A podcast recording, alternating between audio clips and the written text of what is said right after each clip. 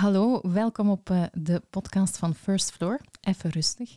Mijn naam is Karen en vandaag ontvang ik samen met mijn co-host Ruben onze gast Marnik Doren, founder van Blovi en uh, wat mij betreft een ras-echte ondernemer, netwerker, marketeer. Ik ben Karen, bezieler en zaakvoerder van First Floor. First Floor is er om jong, veelbelovend talent in HR en marketing de best mogelijke start van hun carrière te geven. We geloven daarbij dat enkel talent hebben niet genoeg is. Dat vraagt, net zoals topsport, investering. We doen dit door uitdagende projecten bij onze klanten, gecombineerd met een uitgebreid coachingsite. Op die manier willen we niet alleen gelukkige professionals klaarstomen, maar ook toekomstige leiders die verantwoordelijkheid durven nemen voor hun job, hun bedrijf en zichzelf. Met deze podcast brengen we jou eerlijke verhalen van inspirerende, ervaren professionals die ons een blik gunnen in de mens achter de carrière. Ik ben uw gastvrouw en word telkens bijgestaan door een van onze jonge talenten die zo aan het begin van hun professioneel avontuur al hun nieuwsgierige vragen loslaten op die ervaren rotten. Wie weet, leren ze nog iets van elkaar. Veel kijk- of luisterplezier en welkom bij Even Rustig.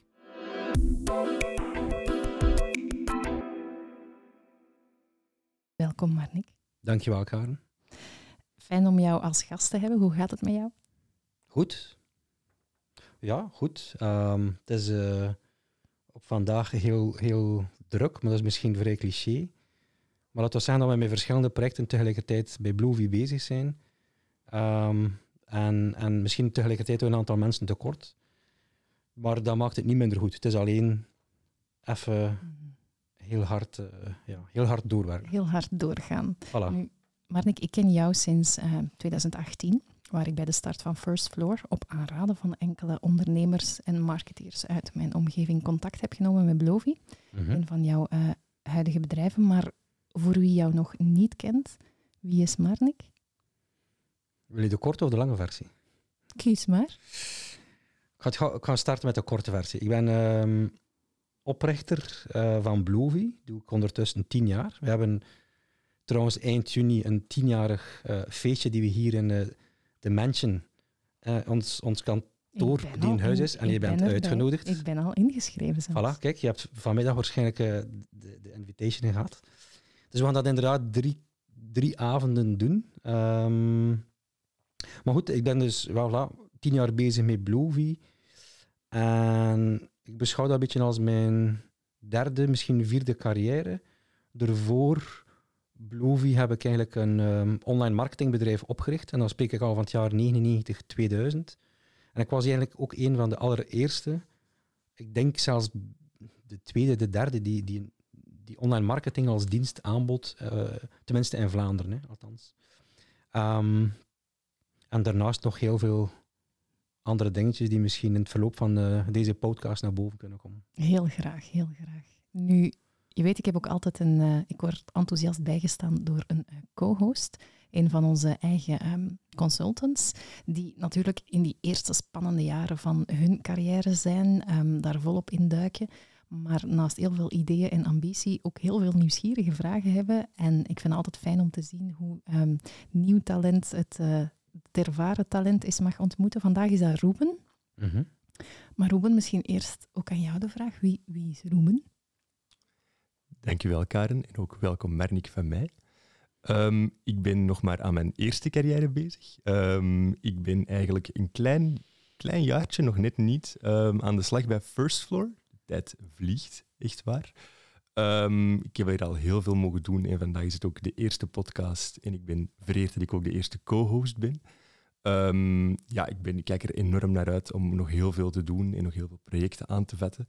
En um, ik ben ook vooral heel benieuwd naar de verhalen van Mernik. En ik denk dat we er ja, veel te weten over gaan komen. En ook, ik denk voor starters zoals mij, dat we daar heel veel inzichten gaan uithalen. Dus uh, laten we eraan beginnen. Oké. Okay. Ja, dat is zeker de bedoeling. om inderdaad aan, aan, aan die starters die inspiratie en ideeën te geven. Maar omgekeerd vind ik het ook altijd heel fijn voor, hè, ik ga ons noemen, hè, de meer ervaren mensen, om ook zo eens jullie vragen te horen en te horen wat, dat, wat dat jou bezighoudt en wat dat jij interessant vindt. Um, maar inderdaad, Marnik, uw verhaal. Oké. Okay. Waar is dat eigenlijk begonnen voor jou? Dat, als ik daar goed over nadenk, dan is dat eigenlijk begonnen op mijn tiende.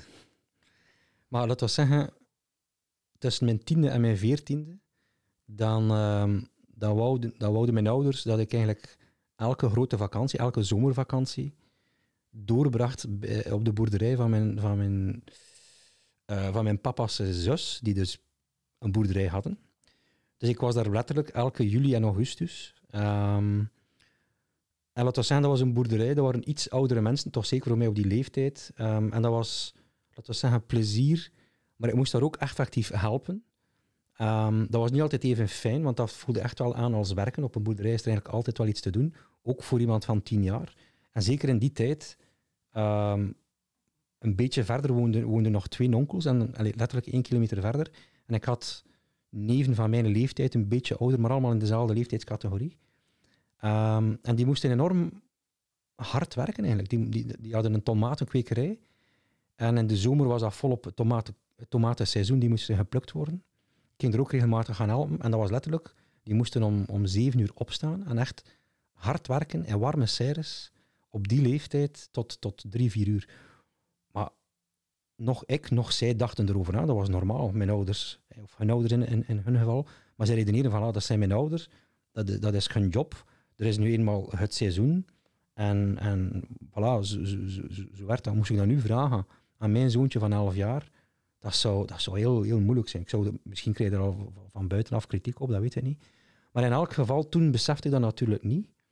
Maar um, laten we zeggen, ik heb, en dat was een beetje het doel van mijn, van mijn mama blijkbaar, maar zij zei van, kijk, leer maar werken.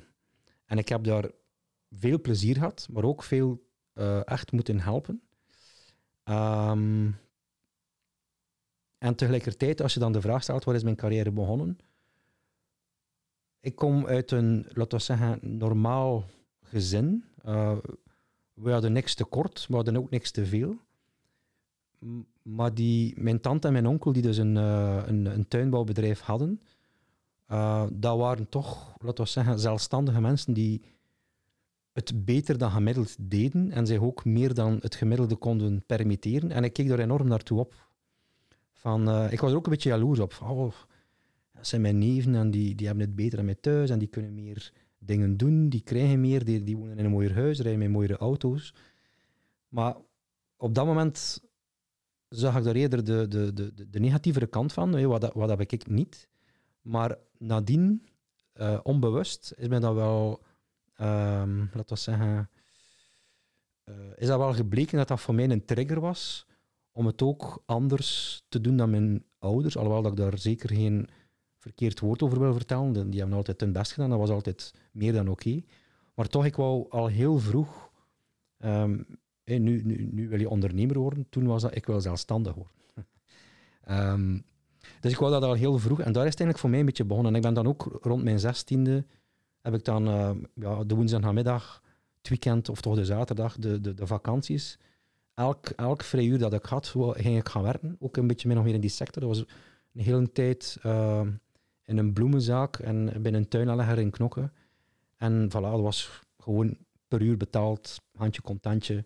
En ik, ik, ik deed dat omdat ik uh, ja, mijn, mijn, eerste, mijn eerste brommer wou kopen, mijn eerste auto wou kopen, uitgaan. Ik leefde tussen mijn zestiende en mijn negentiende echt voor, om, om bij mijn vrienden te zijn en uit te gaan. Dat was, dat was, dat, was de focus. De leeftijd waarschijnlijk. Hè? Maar dan inderdaad is bij jou dat zaadje naar ondernemerschap, hè, toen zelfstandig zijn, eigenlijk al heel vroeg geplant geweest. Ja, mijn, zoals ik zei, vanaf, van, uh, omdat ik besefte, als je veel en hard werkt, dan, dan creëer je voor jezelf meer mogelijkheden. En dan begin je te merken van oké, als je dan per uur betaald wordt, dat daar een bepaalde limiet op zit. En dan, ja, dat is zo'n groeiproces. En op een bepaald moment... Um, ik, heb niet, ik heb besloten voor mezelf om niet, te, allee, niet, niet verder te studeren na mijn achttiende. Ik heb uh, wel een, eh, een, een, een, ik weet niet of dat nog zo noemt, maar dat was een specialisatiejaar, uh, een commerciële richting. Ik, wou, ik, wou, ik was vrij goed, ik dat dacht ook, en, en dat, voelde ik wel aan, vrij goed in verkoop. Ik wou er meer mee leren. En dat was voor mij dan misschien een tweede soort sprong van, van tja, in plaats van continu per uur uit, te werken en dan per uur betaald te worden in een, in een, in een sector waar dat toch wel vrij, vrij actief bezig was. En, en, en eigenlijk dat ze eh, de patron toen zei van doe maar door. Ehm, hebben we dan die dat specialisatiejaar, ja, dat was letterlijk sales eigenlijk.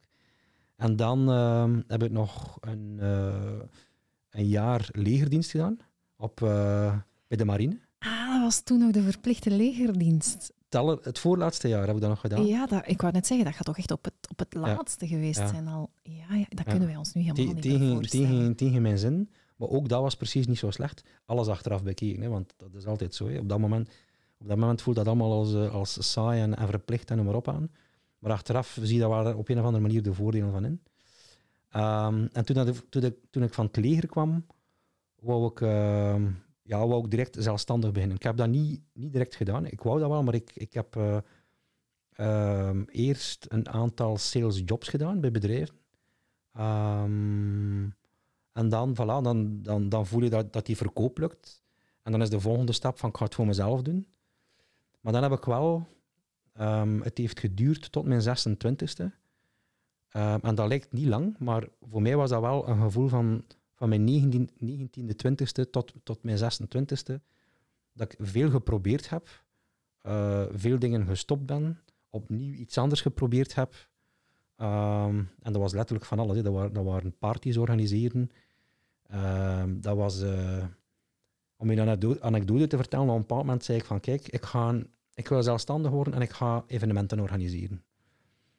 Ehm, ik wil al misschien direct, laten we zeggen, hoeveel, hoeveel jaar doorspoelen. We zijn nu ehm, ja, minstens 25 jaar verder en eigenlijk organiseer ik de laatste 10 jaar nog altijd evenementen. Ik ben dat terug beginnen doen, ik zal het zo zeggen. Ik wou het zeggen, en dat is nu Ehm. toch een van de dingen waar dat jullie heel erg eh, mee bezig zijn en ook voor gekend zijn, voor het organiseren van Ja. evenementen. En, Onder andere, weliswaar op een ander niveau en, en voor een ander doelpubliek. Ja, ja, ja. Maar toen organiseerde ik evenementen.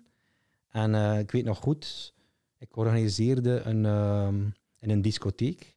Op een, ik denk op een zondag was dat, terwijl dat er, als, het er, als er op een maandag een, een, een betaalde feestdag was. Dus waar dat mensen konden en, en mochten uitgaan. En ik maakte een deal met een, met een lokale discotheek. Dat was een, eh, ja, een of andere party. En dat lukte mega goed. Ik had dat volledig alleen gedaan. Eh, DJ's eh, uitgenodigd, affiches gemaakt. Dat was nog toen, internet was nog niet aan de orde. Ik spreek, ik spreek van, eh, even denken, 7, 28 jaar, 29 jaar geleden. Ik was toen 21, 22 jaar. En ehm, dus wat ik ermee bedoel is, dat was nog letterlijk affiches en flyers printen, die gaan plakken op de muren en op de plaatsen waar dat soms ook niet mocht, trouwens. Flyers gaan uitdelen in de frituur, noem maar op. Radioreclame. En dat was enorm... inderdaad, allen is maar met een cliché. Ruben, kun, kun jij je dat voorstellen dat je op die leeftijd, hè, want jij zit in die leeftijdscategorie nu, zonder internet. Ik denk dat dat heel moeilijk voor te stellen is. Ehm, maar inderdaad, ja, hoe- breng je zo'n dingen teweeg? Eh je gaat flyeren gaan rondbrengen. Dat is iets dat je nu gewoon... Je post op je social feed en mensen zullen dat wel Ja, zien. dat was, dat was de marketing toen. Hè, voor een, Je- allee, tenminste voor, voor, voor evenementen te organiseren en een party. Let op, je kon er natuurlijk ook op grotere schaal, met een groter budget, op, op lokale eh, televisie en radio en, en noem maar op. Ehm, en zelfs ook in eh, een of ander vakblad of, of, of lokale blaadjes. Maar laten we zeggen, voor lokale evenementen waren flyers en affiches gaan plakken en, en noem maar op. En radioreclame een klein stukje, want dat budget was toen ja niet zo groot. Dat was de manier van marketing voeren omdat dat dan ook een bepaalde visibiliteit creëerde, een bepaalde mond-aan-mond reclame creëerde. Uh, flyertjes tussen de ruiten wissen, dat mocht allemaal niet. Maar goed, deed ik allemaal. En de eerste party, dat was, dat was fantastisch. Ik weet dat nog goed. Ik verdiende... eh, Let op, ik was daar wel ook drie, vier maanden mee bezig, maar ik verdiende ook ehm, een loon. Of ik, de, de marge die ik overhield aan die party was een equivalent van een loon van ongeveer die drie, vier maanden werken, denk ik iets minder. Maar ik was daar eh, meer dan tevreden mee. Ik deed dat nog een tweede keer. En dat lukte weer zeer goed. Dat was, dat was dan ook toevallig dat ik, dan, dat ik dan heel kort op elkaar kon doen. Ehm, en dat was ergens tussen de periode, dat was tussen februari, maart en de zomer. En dan dacht ik achter de tweede keer van, maar niet, maar nu zijn klaar voor het grote werk. Hè. Dus ik wou in augustus, en dan ga ik er proberen een jaartal op te kleven, hè. 92, in het jaar 92 of 93 wou ik een, een tent zetten in een weide, een hele grote fuif, eh, een DJ, maar een, grote tent, wat er, ehm, ik dacht dat, dat ik mikte op duizend mensen.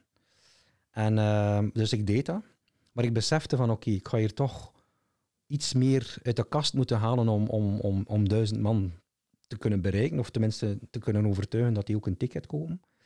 Dus ik, ik ging naar een eh, lokaal radiostation, Contact, Radio Contact, nee, was dat Radio Contact? Ja, met een dolfijn. Met een dolfijn. Ja, het was Radio Contact. Radio Contact. Dat is Voilà. Radio Contact, ja, ja. En eh, ja, iedereen, dat was in Eeklo, iedereen noemde hem de Dikken. Ik zeg, kom Dikken. Ik zeg, ik ga nu gaan dat hier samen doen. ja, dat klinkt maar dat, iedereen noemde hem zo. Ik zeg, kom Dikken, ik ga nu gaan dat samen doen. Omdat hij ook grote parties, hè, dan noemde we dat van die rave, eh, hij, hij was meer in, in dat genre van die rave parties en die house parties. Ik wou toch net iets eh, nog commerciëler en toegankelijker maken.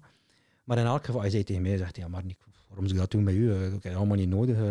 Ik doe twee, drie keer per jaar een hele grote megafuif, dat loopt goed niet goed. Ik ga dan een keer in de zomer in, een tent gaan doen. En ik zei, echt eerst tw- twee weken na zijn noren zagen van, van kom, gaan dat samen doen. eh. Allee, het is goed dat ik van u gezaagd heb, ben, we gaan, dat, we gaan dat doen. Maar jij doet al het werk, ik ga gewoon reclame maken hier op, eh, op de radio en, voilà, dat zit. En goed, we hebben dat gedaan, ik heb alles geregeld. Ehm, en die avond, dat, eh, dat eh, voilà, en die, die bewuste avond, dat ik kan niet meer weten welke datum dat was, maar het was een zaterdag. Alles stond klaar, de DJ's, de tent was gezet, de verlichting, mensen aan de kassa, een, een, een, noem het zo'n een, een, ja, een, een wagentje voor toilet en noem maar op. Eh, heel veel reclame gemaakt. En voilà, dan wacht je af hoeveel, hoeveel mensen er komen. En dan ben je al zo al te rekenen van oké, ik weet nog heel goed, we hadden, we hadden er, we hadden er elk 100.000 frank toen ingestopt. Dat is een equivalent van 2500, laten we zeggen, met, met, laten we er ons 3000 of iets meer van maken. Naar gelang eh, de, de, de munt die wat, eh, misschien zelfs iets meer, maar op, laten we zeggen 3000, 3500 euro, maar 100.000 frank, je zult dat ook nog weten, toen, op die leeftijd, dat, dat, dat is een Ja, pak dat is geld. hè. enorm. Dat is een pak enorm. geld. Als je dat over hebt, of, of kwijt bent, of wat dan ook. Maar goed, dat was elk, elk 100.000 frank. En ik was al blij dat ik dacht van, oké, eh, dat was mijn geld dat ik verdiend had, met die twee andere eh parties. Ehm, en ik weet niet meer als het nu 14, 16 of 19 mensen waren, maar het waren er geen 20 die binnenkwamen en een ticket kochten. Ehm, letterlijk, hè? dus dat was, dat was, het waren geen 20 mensen. En ehm, dat kwam achteraf, wisten we dat er net die dag ehm, in, in, in heel de omgeving, dat was in, de omgeving van het Meetjesland, Eeklo, eh, richting Gent en allee, heel, heel het Meetjesland, die coté. Maar blijkbaar waren er drie zeer grote parties die, die eigenlijk al twintig jaar lang een reputatie hadden van, van de scouts of van de KSA, ik weet het niet meer. Ergens nog een of ander lokaal iets. Dus voilà, iedereen ging daar naartoe. En wij eh, bleven achter. Oh, Met, eh, ik zat hier al op het puntje van mijn stoel van, oh, en er gaat superveel volk zijn. Maar niet dus. nee. Ik had dan nog de zondag een, eh, een, een mini-voetbaltoernooi georganiseerd op die weide. En er was, dat was dan wel succesvol. Dan deden er, ik weet niet, tien, tien caféploegen mee. Maar ja, dat was gratis, dat was, dat, daar verdiende ik niets mee. Dus mijn 100.000 Belgische franken van toen waren weg. Dus eigenlijk hetgeen dat je van je vorige twee evenementen had overgehouden, heb je al direct geherinvesteerd in iets nieuws, Ja. maar ze waren weg. Ze waren weg. En dan moet je weten dat ik daarmee bezig was van het begin ongeveer van datzelfde jaar tot augustus. Dus dat, dat is eigenlijk bijna september. En dan begin je na te pijzen van shit, dat, ik, ik heb hier nu acht, zeven, acht, bijna, ja, het zal er nu geen negen zijn, maar het pakt zeven, acht maanden gewerkt, gehoopt, gebouwd. En ik, en, en ik, ik blijf hier berooid achter. Dat was echt een, een, voor mij een serieuze, serieuze domper. De dikke zei 100.000 frank maar niet. En eh, ja, ik mocht die afgeven. En ehm, ja, mijn ouders zeiden van, maar Nick, kom. Maar ze zijn eigenlijk bezig. Ze- ze zijn, die zeiden dat eigenlijk toen al, op het moment dat ik begon. Van Marnik, wat ga je doen? Ga toch geen evenement organiseren? Je gaat toch gaan werken? Serieus, allee, serieus normaal werk. Ik zei, nee, nee, ik wil dat niet. Dat zat echt in mij. Ik wou echt zelfstandig worden. Ik wou iets uitbouwen, zelfstandig, een bedrijf en, en maar op. Dat zat, dat zat er echt heel, heel diep in. En zelf- ik had er echt ook voor over om, om, om allee, risico's te pakken.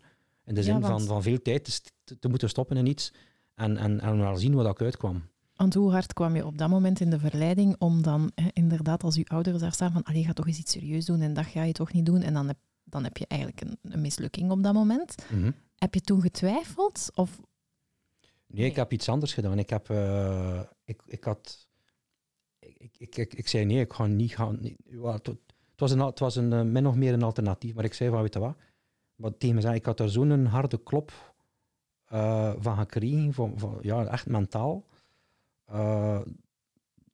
Ja, het was zeggen, mijn zelfzekerheid zat echt aan de grond. En ik zei tegen mezelf, van, weet je wat? Ik ga eens, ik ga eens vijf maanden... Ik ga eens naar het buitenland gaan. Ik ga eens naar, eh, naar Londen en Parijs. Ik ga daar vijf maanden in Londen werken, vijf maanden in Parijs. Ehm, ik, ga daar, ik wou er eigenlijk ook vooral in die grootsteden ontdekken van welke merken zijn daar met welke activiteiten bezig, welke bedrijven zijn er daar. Dat was een soort van, noem het, een marktverkenning. Maar tegelijkertijd wou ik daar wel werken. En dan besefte ik van, als ik daar ga gaan werken, zal dat in, iets in de horeca zijn. Dat is dan trouwens ook geworden. En ik, ben dan, ben, ik heb gezegd tegen mijn ouders van, kijk, eh, dus augustus was die party, dus daar heb ik een week of twee, drie, denk ik, eh, ja, moeten bekomen. En dan zei ik letterlijk heel kort van, ik ga naar, ik denk dat eind september of begin oktober was, dat ik, dat ik dan ook wel effectief al vertrok. En, en eventjes terug voor mijn begrip, hoe oud was je toen ongeveer? Ik denk 22. Ja, begin 20, ja, 92, ja. ja, Ja, ik was 22, denk ik. En ehm, mijn ouders zijn van, van, van, naar Parijs en, wat, bij wie ga je werken? Ik zeg, dat weet ik niet. Ik zeg, ik ga een single ticketje kopen naar Londen. Ik weet niet waar ik ga wonen, ik weet niet waar ik ga werken, ik zie het wel, maar ik ga, dat is party of the, part of the adventure. Ehm, en dat was, zoals ik zei er straks, het heeft tot mijn 26e geduurd dat ik, eh, dat ik het niet vond. Ehm allee, niet vond. Als je dan terugdenkt, had ik moeten zeggen tegen mezelf, Marnik, oké, ga dan eventueel wel gaan, gaan werken, dat je terug wat inkomen hebt. Ik woonde toen trouwens thuis, ik had, eh, en ik had geen echte kosten, ik had geen, geen relatie of wat dan ook. Eh, laat staan dat ik een, een huis had waar dat er verplicht iets moest vooraf betaald worden. Of zo. Ik had ook geen schuld, mijn geld was gewoon op. Ik had ook geen banklening of, of, of iets dergelijks. Ik had het ook niet geleend bij mijn ouders. Dus eigenlijk had ik toen moeten zeggen van, Marnik, oké, nee, je hebt er twee goed gedaan. Dat is eentje mislukt, ga doe gewoon verder. Ehm voilà, st st allee, staat erop, bij wijze van spreken. Maar op een of andere manier, dat, ik weet dat niet. Ik, ik zei van nee, ik ga naar het buitenland gaan. Ehm, achteraf gezien heb ik daar toch een klein beetje spijt van gehad. Dat zijn, dat zijn leuke dingen geweest. Maar ik had die, dat zijn uiteindelijk wel tien maanden die ik niet aan het ondernemen was, wat ik toen daar in de horeca heb gewerkt. Ehm, Maar die zijn misschien wel voor andere dingen goed geweest. ja, ik heb dat tot op de dag van vandaag eh, nog maar beperkt beseft, vind ik. Dat is een, dat is een, voor mij blijft dat een beetje een, een vreemde periode. Die, die een beetje, eigenlijk is dat een beetje een vlucht ook. Hè. Ja, maar was je, eh, misschien een rare vraag, maar was je gelukkig tijdens die tien maanden? Want wat zijn Nee. tien maanden op een mensenleven? Nee, Oké, dus het niet. was ook niet dat je er plezier aan had? Of, of... Laten we zeggen, de vijf maanden in Londen niet. Ik kwam daartoe. ehm, en het leuke eraan was van ja, de nieuwe dingen te ontdekken. Je komt daartoe, waar ga je wonen? Aan een bed and breakfast. Ik had nog wat, uiteindelijk nog wel wat, wat. Ik denk wel dat ik dan een, eh, noemt dan een interim job had gedaan voor ongeveer één à twee maanden. Dus ik had toch iets. Ik kon toch mijn vliegticket betalen, kon toch eh, een paar dagen een bed and breakfast betalen. En dan ja, moest ik een kamer huren. Dus in, in die grootsteden is het heel dikwijls dat gezinnen een, een kamer verhuren. Oké, dan, eh, dan ga ik gaan zoeken achter werk en dan kwam ik bij de Pret à Manger. De Pret à Manger in Londen, ik weet niet of je dat kent, maar dat is een beetje like een X-key hier. Of een, eh, een, een foodmaker, of wat heb je daar? Zo van die, van die Ja, ja, nee, ik ken sandwich het bars, ketens en zo verder. Maar die, die kerel zei van, kijk, dat was in Oxford Street, eh, de grootste van, eh, van de, van de pret-à-mangers. Zegt hij, je mocht hier direct beginnen, maar je moet kunnen bewijzen dat je ergens een adres hebt. Ik zei, oké, goed, ik ga dat regelen. Ik naar een immobilienkantoor, van alles uitgepluist. En die zei van, kijk, het is perfect, je mocht dat hier huren. We hebben hier een leuke familie voor jou, maar je moet kunnen bewijzen dat je werk hebt. Ik zei, godverdomme, ik zei, hoe, gaan we dat hier oplossen? Ik zei, oké, we gaan dat hier oplossen. Niet tegen hem. Ik zei, kijk, ehm, jij geeft mij een bladje.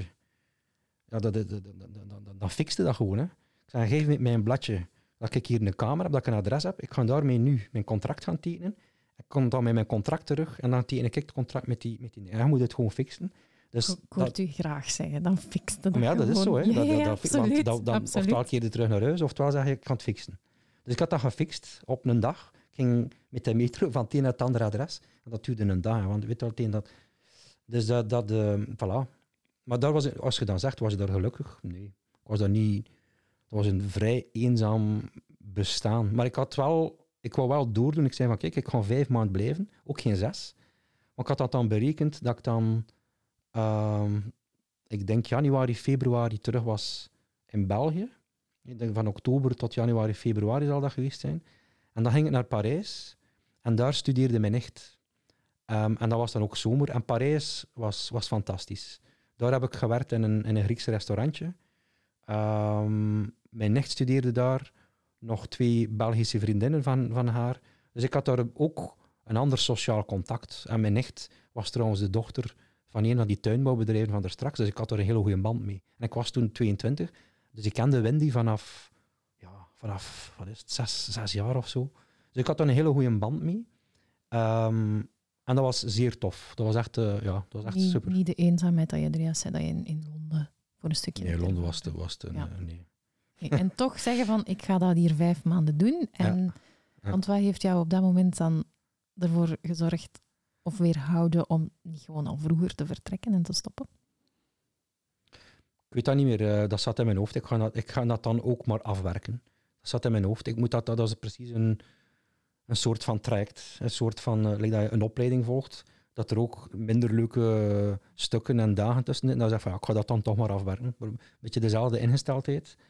Ehm, ja, voilà, zoiets. Maar ik heb daar, eh, ik heb daar wel, ik heb daar wel iets aan, laten we zeggen, aan overgehouden in Londen. Dus de pret à manger. Dat, liep daar als een trein.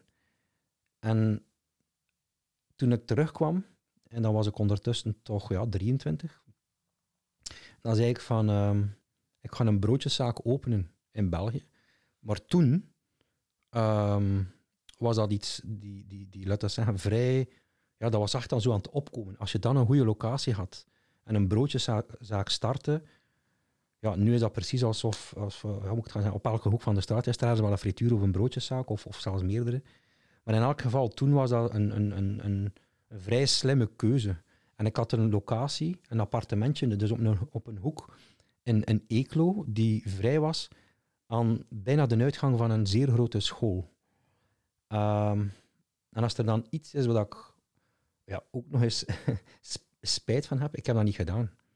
Ik had alles bekeken. Ik had, eh, dus ik kwam terug, moet weten, ik was al mijn geld kwijt. Ik zeg tegen mijn ouders, ik ga tien maanden naar het buitenland. Ik kom terug zonder geld, want ja, hetgeen dat daar verdient, was voor die een kamer en, en weet wel, zo wat, wat, wat uitgaan. Maar ik kwam terug ook met, met even weinig geld dan, dan dat ik vertrokken was.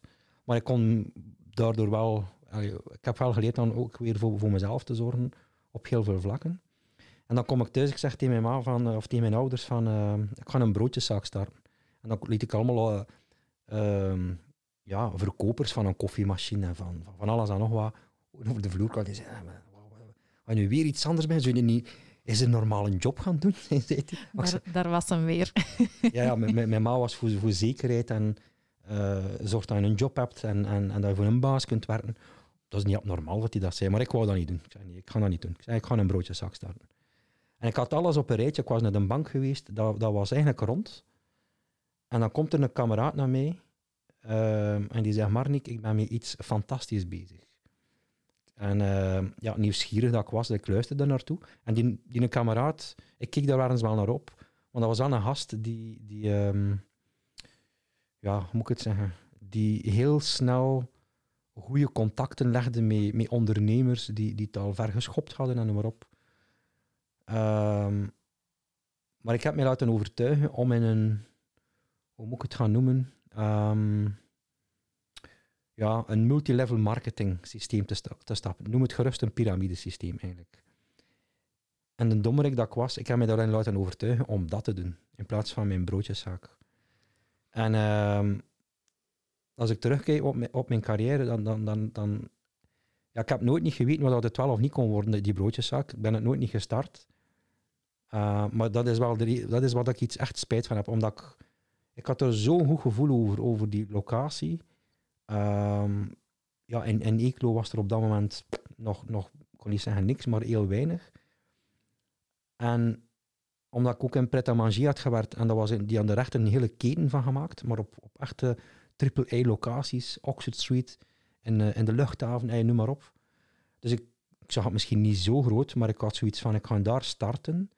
Uh, ik had al allemaal in hoofd van, oké, ik ga dan leveren aan een, aan een naburige, um, hoe noem het, een, um, een soort van industrieterrein. Want die bedrijven, hè, die, die willen dat ook geleverd krijgen en zo verder. En dan ga ik waarschijnlijk nog een tweede start. Ik was al bezig, in mijn hoofd althans, aan het groeien. Um, en daar heb ik wel spijt van. Ik heb me dan laten overtuigen erin te naar het piramidesysteem. En dat was niet slecht, dat was niet goed, maar dat was een... Ja, ten eerste, dat was niet duurzaam, dat was tijdelijk. En dat was uiteindelijk... Ja, wat was dat? Even inderdaad voor uh, een soort van korte win uh, gaan. Wat mij wel opvalt in alle dingen dat je vertelt, um, is dat jij niet enkel gewoon één ideetje hebt van oké, okay, ik ga een toffe broodjeszaak op een, een, een, toffe locatie, maar dat jij al onmiddellijk het, mm -hmm. de schaal ziet. En dan daarna mm -hmm. wil ik dat gaan uitbouwen en dan wil ik dat. Dus ja, maar ik heb het niet gedaan toen. Nee, maar qua manier van kijken naar de ja, dingen. Ik ken heel veel mensen die een idee hebben, maar die dat idee klein houden. Mm -hmm. Omdat ze dat specifiek idee heel tof vinden en zichzelf allee, denken van dat ga ik leuk vinden. Maar wat mij opvalt bij jou is dat jij altijd onmiddellijk niet één klein idee, maar allee, bij wijze van spreken direct de hele keten in dit geval, maar daar een hele schaal of een heel imperium achter al ziet. Ja, je zou dat misschien kunnen vergelijken met met de hedendaagse uh, start-ups die, die ook een schaalbaar businessmodel uh, kunnen creëren met iets die, die natuurlijk ook haalbaarder is met een, met een, laten we zeggen, een, een online tool of een cloud-based omgeving versus in een fysieke omgeving. Uh, maar effectief, ja, ik zag dat wel, ik wou dat daar starten. ik wou dat ook anders doen dan andere broodjes want de pret-à-manger werd alles op voorhand klaargemaakt, verpakt, in, in, in frigo's gezet. En dat was zo echt takeaway. En dat was iets, dat, was een, dat bestond nog niet in, in Vlaanderen. Dus ook, ook die change van dat concept stond ik enorm achter. Een paar jaar nadien, het heeft misschien nog wel vijf jaar of langer geduurd, was dat dan min of meer mainstream geworden ook, of, of begon dat dan en geleidelijk aan mainstream geworden. Um, maar zie je, zo, zo, dan ben ik 23. Ik heb daar dan denk ik ook ongeveer een jaar in gefungeerd in, in, dat systeem. En het heeft van mij tot mijn 26e geduurd, totdat ik weer uitgenodigd was naar een multilevel marketing systeem, maar van een bedrijf die ja, heel het internet kwam op. Um, er waren bedrijven zich aan, aan het ontwikkelen die websites bouwden. En die waren dan oftewel heel technisch van aard of zeer grafisch van aard. Er was nog geen wat we zeggen, geïntegreerde aanpak zoals dat, dat vandaag is. Nou, dat was ook heel statisch in zijn beginschoenen en zo verder. En uh, ik was uitgenodigd, want dat slaat, dat slaat nu wel, denk ik, ongeveer één of twee jaar over van wat ik daartussen heb gedaan. Maar het komt erop neer um, dat ik wel wist wat dat verkoop was. Dat ik, um, ik mag zeggen, misschien wel bijna alles kon verkopen, of althans dat geloofde ik toch op dat moment. Ik had al heel veel gelezen van internet, maar ik had, uh, ik, ja, ik, ik had nog nooit op een computer gewerkt. Ik had, ik had er totaal geen vaardigheden mee. Maar ik zei van oké, ik kan dat misschien wel verkopen. Die, die, die leidde dat ook uit. Met letterlijk nog toen een, een, een, een map waar er geprinte papieren in zaten. En je kon dat op die manier verkopen. Ik zat van achter in die zaal, ik zat te luisteren. En ik zei tegen mijn eigen van oké, ik ga dat doen. Ik ga dat niet voor hen doen, ik ga dat zelf doen. En dan heb ik dat weer, en ik, daar ben ik eigenlijk wel goed in, om van een, een bepaald idee alles te gaan uitzoeken. Wat, wat komt er bekijken? Wat heb ik nodig? Uh, om dat allemaal te kunnen doen slagen. En heel dat, dat researchproces uitzoeken, dat concreet maken, totdat dat iets ook wordt. Um, dus wat, heb ik, wat, heb wat ik dan heb gedaan, ik zei van kijk, dat internet dat heeft een zeer grote toekomst. Ook al zat ik daar niet in, want ik werkte niet voor een bedrijf, ik had geen, geen, geen omgeving die daarmee bezig was, maar op een of andere manier, wat, wat ik ervan las, voelde ik van oké, het zit er heel veel toekomst in. Um, maar zoals ik zei, ik had geen computer, ik had er geen ervaring in. Ik zou zelfs niet weten hoe dat ik een website maak, wat komt daarbij kijken, nog nooit niet gehoord van HTML op dat moment. En, en, dus ik zocht dat allemaal uit. En ik deed mij voor als een journalist en ik interviewde ondernemers die een webbedrijf hadden. En ik zei tegen hen van, kijk, ik ga hier een artikel schrijven, want eh, heel het internet is aan het opkomen. En, en webbedrijven, nee, jullie zijn, zijn een hele populaire, sterk groeiende markt. Vertel een keer, wat, wat, wat komt er allemaal bij kijken? En ik schreef heel veel op.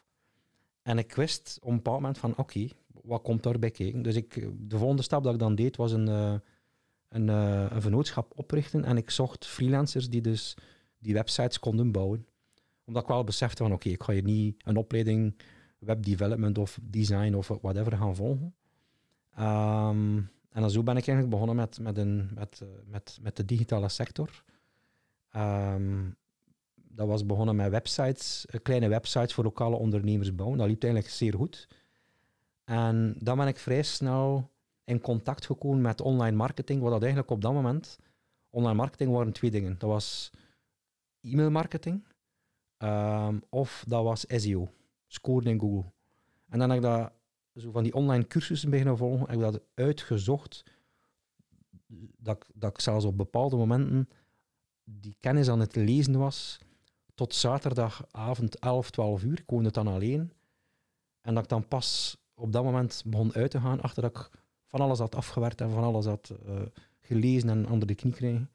En dan ben ik eigenlijk, dan spreek ik van het jaar 99, ja, er was niemand naar mij weten die bezig was met marketing als dienst aan te bieden. Iedereen bood het aanbieden van websites aan op een heel technische manier. Uh, van, die, van die applicaties bouwen, heel technisch. En dat, er, was, er waren altijd wel grafische mensen. Oftewel waren het de klassieke reclamebureaus die heel grafisch bezig waren, die ook hun eerste stappen in het bouwen van websites uh, begonnen aan te bieden.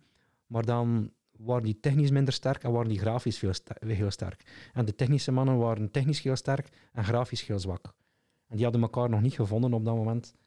En ik dacht van oké, okay, maar die websites, die, die, die, uh, Google was dan, er waren verschillende zoekmachines aan het opkomen en Google... Was toen ook nog met Yahoo en... en... Yahoo, Alta Vista. Alta en dan zat je zo nog een paar van die zoekmachines. Ja, ja, ja, Google bestond Google was wel, toen, maar in, in, in, Europa of België nog was niet, dat nee. op dat moment nog niet echt de, zoekmachine. Maar ik voelde wel, die bedrijven gaan, gaan op een bepaald moment investeren in marketing, zoals, ze, zoals dat ze dat nu doen op televisie en op radio en, en, en print en maar op. En vooral in print dan, ook heel dikwijls. En, en ik voelde ook van print dat gaat veranderen naar online. Dus ik, voilà, ik richtte twee bedrijven, nee, één bedrijf op me met twee merken. Er dat was twee keer BC. BS-E-N en B-E-S-E-N. Maar het ene bouwde websites en het andere deed dan zoekmachine marketing. En ik was eigenlijk een van de, een paar jaar later besefte dat, een van de eerste drie die echt online marketing en SEO en dan een beetje later die, die Google AdWords aanbood, op, verpakt in een commercieel aanbod naar de markt toe. Ik, heb het niet uitgevonden uiteraard, maar om het commercieel aan te bieden, ja, was ik toch wel pionier, mag ik zeggen. Ja, want je zegt dat je er een pionier in bent, maar hoe besef je op dat moment van oké, daar is echt een, er gaat een nood aan zijn en ik ben er vrij zeker van en ik ga daar nu, ja, ik ga dat gat eigenlijk vullen dat er nog niet echt is, maar ik geloof daar toch wel heel hard in dat dat gaat komen. Dat is natuurlijk, um, dat besef je stap voor stap. Het, het, het, was niet de grote visie waarvan ik zoiets had van oké, ik heb hier het grote licht gezien, maar je, begint dat aan te voelen. Um, zoals ik zei, ik begon online cursus te volgen, ik wou dat onder de knie krijgen. Um, dan is de volgende stap dat de, de lokale websitejes dat je bouwt, dat je zegt van kijk, ik kan ook uh, niet, niet zomaar jouw website maken zoals dat er ondertussen meer en meer van die webdevelopers en designers begonnen te komen. Maar ik ga ook zorgen dat je wat beter scoort in Google als je je bedrijfsnaam of een aantal woorden gekoppeld aan, u, aan, u, aan, de, uh, aan de stad of, of gemeente waar je gevestigd bent, dat, dat, dat, begint heel klein. En op die manier maak je een beetje een verschil dat je aanbod daardoor wat rijker is. En dan kom je met iemand in contact die zegt van, ah, maar ik uh, ga hier wel binnenkort investeren in e-commerce. Ik weet dat bijvoorbeeld uh, het automerk Opel, een van mijn eerste, of een van de, niet, niet mijn allereerste, maar een van mijn eerste klanten was. Ja, die zeiden, wij moeten hier recht scoren in, in die zoekmachines. Nou, dat was de eerste klant. Ik heb dat nog allemaal zelf geschreven, die, die, die, die, die metatags en die teksten geoptimaliseerd en die, die, die images geoptimaliseerd. Allee, noem maar op, alles wat er moest gebeuren deed ik in het begin allemaal zelf, maar ik had wel al direct een grote klant, het merk Opel. Weliswaar via, het was geen rechtstreekse klant, jammer genoeg, dat was via een groot agency die, die, die dan Opel als klant had. Maar goed, ik had, ja, dan, dan, dan merk je van, tja, dat, die geven er echt geld aan uit. En ik vroeg, dat ik het niet meer weet, maar ik weet dat dat agency, agency het, het, het veelvoud vroeg, terwijl ik het werk deed achter de schermen, naar hun klant toe. En dan zo begin je te beseffen dat daar budgetten worden voor uitgegeven. Dus dat, dat is zo'n proces van, van ongeveer een jaar, misschien twee jaar. En dan zeg je van, oké, goed, nu ga ik daar, nu ga ik daar full-blown voor gaan. En dan heb ik zelfs vrij snel het bouwen van websites achterwege gelaten. En eh mij echt geprofileerd als, als, als een, ja, ik ging bijna zeggen online marketingbedrijf, maar het was een zoekmachine optimalisatiebedrijf in het begin. En voilà, dat was mijn niche die ik gevonden had. En, dat is was dan- specifiek B-scene. Ja. En hoe lang heb je, heb je dat dan gedaan? Ik heb dat gedaan van het jaar 99 tot 2011. Maar in 2010 ehm, was BCN een bedrijf van 25 medewerkers. Hadden we veel klanten. Waren we de referentie op de markt, of toch in Vlaanderen althans. Ehm, en ik zat op het plafond van mijn, laten we zeggen, kunnen als manager. Want dan laten we zeggen, jaar na jaar groeien. En dan kom je tot het besef dat je niet meer aan het ondernemen bent en dat je, je, tijd eh, te weinig gaat naar, naar verdere groei, ontwikkeling, het verbeteren van je aanbod, eh, tijd kunnen nemen om, om, om, om wat verder te kunnen kijken, wat ik altijd vond ik eh, graag gedaan had en goed in was. Maar was ik eigenlijk bezig aan de, de, de club aan het managen. En dat, dat lag mij totaal niet. Allee, jawel, dat lag mij wel. Maar dat slorpte mij zodanig op dat dat, dat niveau van managen mij niet meer lag. Is, ik vind dat zelf ook iets helemaal anders. Een manager en een ondernemer. Absoluut. En een ondernemer moet altijd managen en een manager moet altijd ondernemer zijn. Maar je moet wel ergens ja, weten waar, dat, waar dat je sterktes liggen. En voor mij ben ik duidelijk geen goede manager. Een keer dat dat op dat niveau komt, heb ik, dan heb ik het gehad.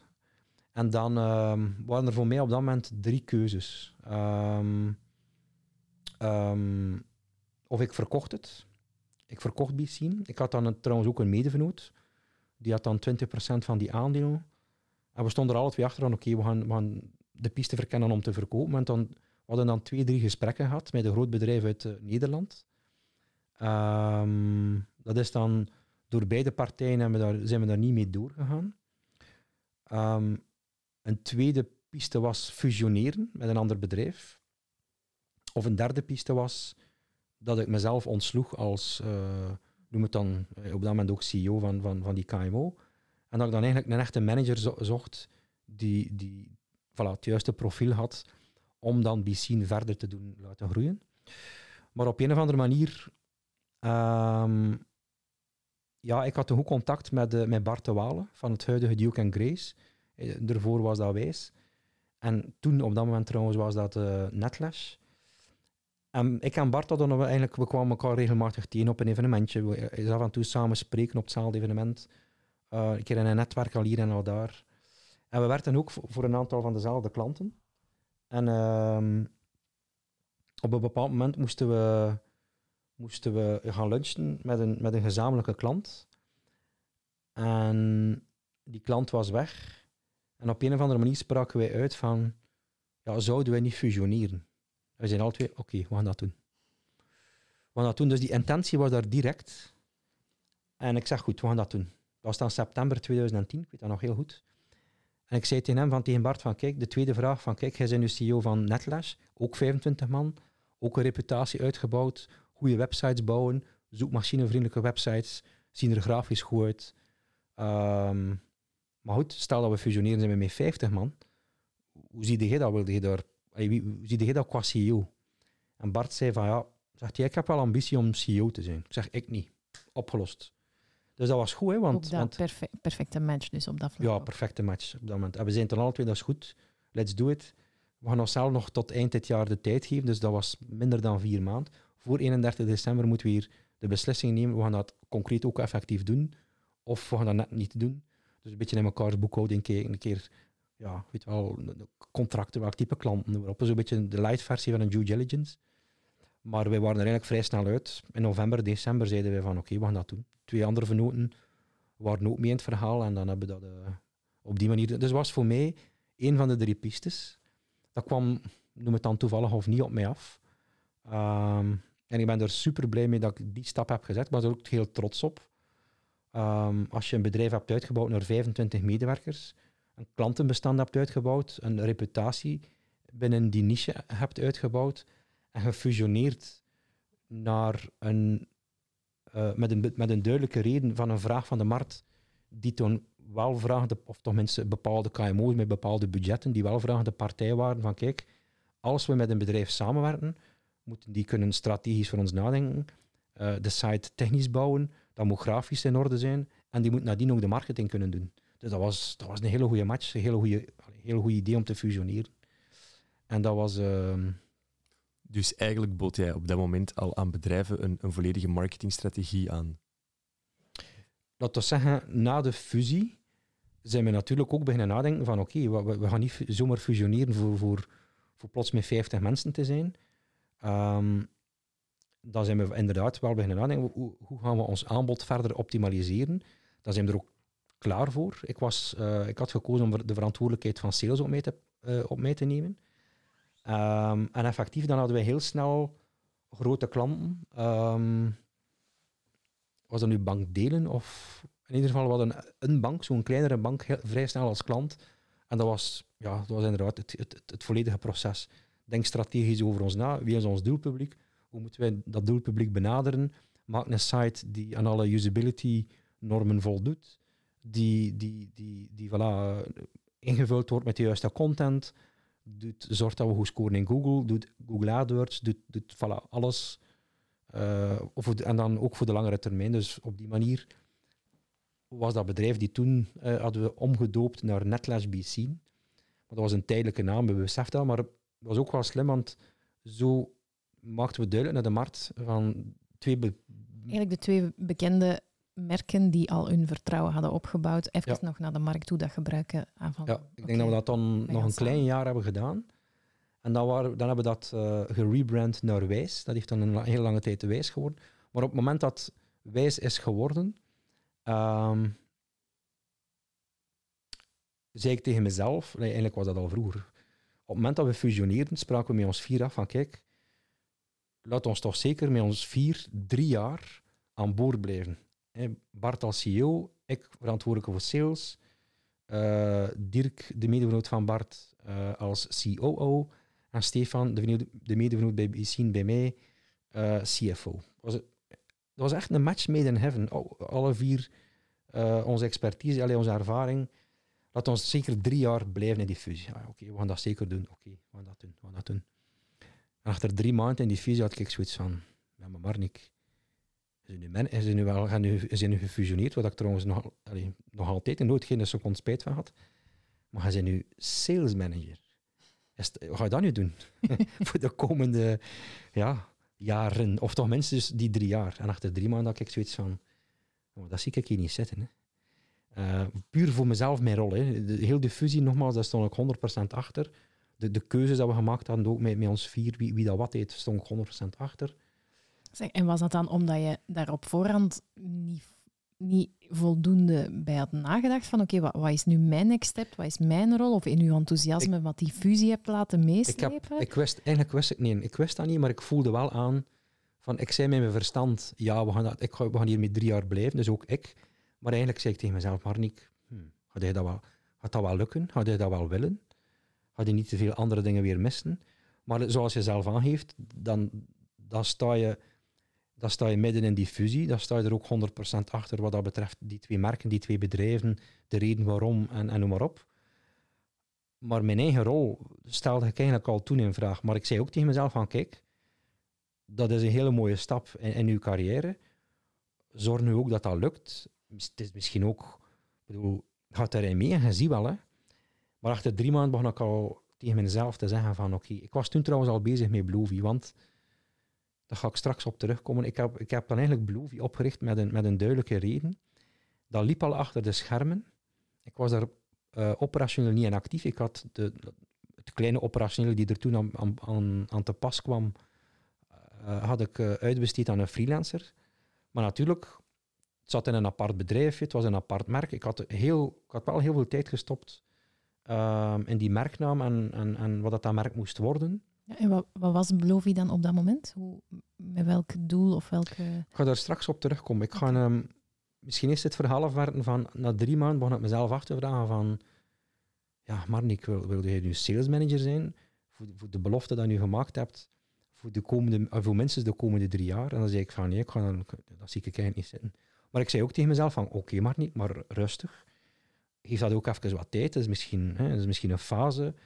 Ehm, achter de zomer zie je wel weer en, en, en dat kun je nog zien. Ik, ik overbrugde dan die, die zomer, maar dat bleef, dat bleef, dat bleef maar knagen. En ik durfde, ik durfde dat ook eerst niet zeggen, want ik dacht van ja, wanneer nu, we zijn hier nu juist in de fusie. Iedereen het grote verhaal, de grote plannen. Om dan achter drie of vier of vijf maanden te moeten zeggen van ja, maar ik zie het dan niet meer zitten. Dus dat wou ik ook mijn eigen mensen uit BC en mijn eigen medevenoten en ook de nieuwe mensen van, van bij Netlash geweest. Die misschien zoiets hadden van ja, is dat hier nog wel een serieuze gast hier? Of, wat is dat hier met hem?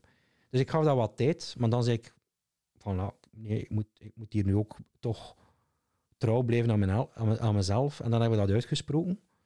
Um, dan zei ik van kijk, uh, ik denk dat dat toen al september, oktober was. Maar wonder boven wonder, de drie medevenoten die zeiden van, ga maar als, als, als jij met Blue verder wilt en vanaf nul opnieuw wil starten en niet meer in deze rol, oké, geen probleem, dan, dan behoudt u aandelen of, of verkoopt ze misschien naar gelang wat dat wilt. Dus gelukkig kwam dat eigenlijk nog heel goed over.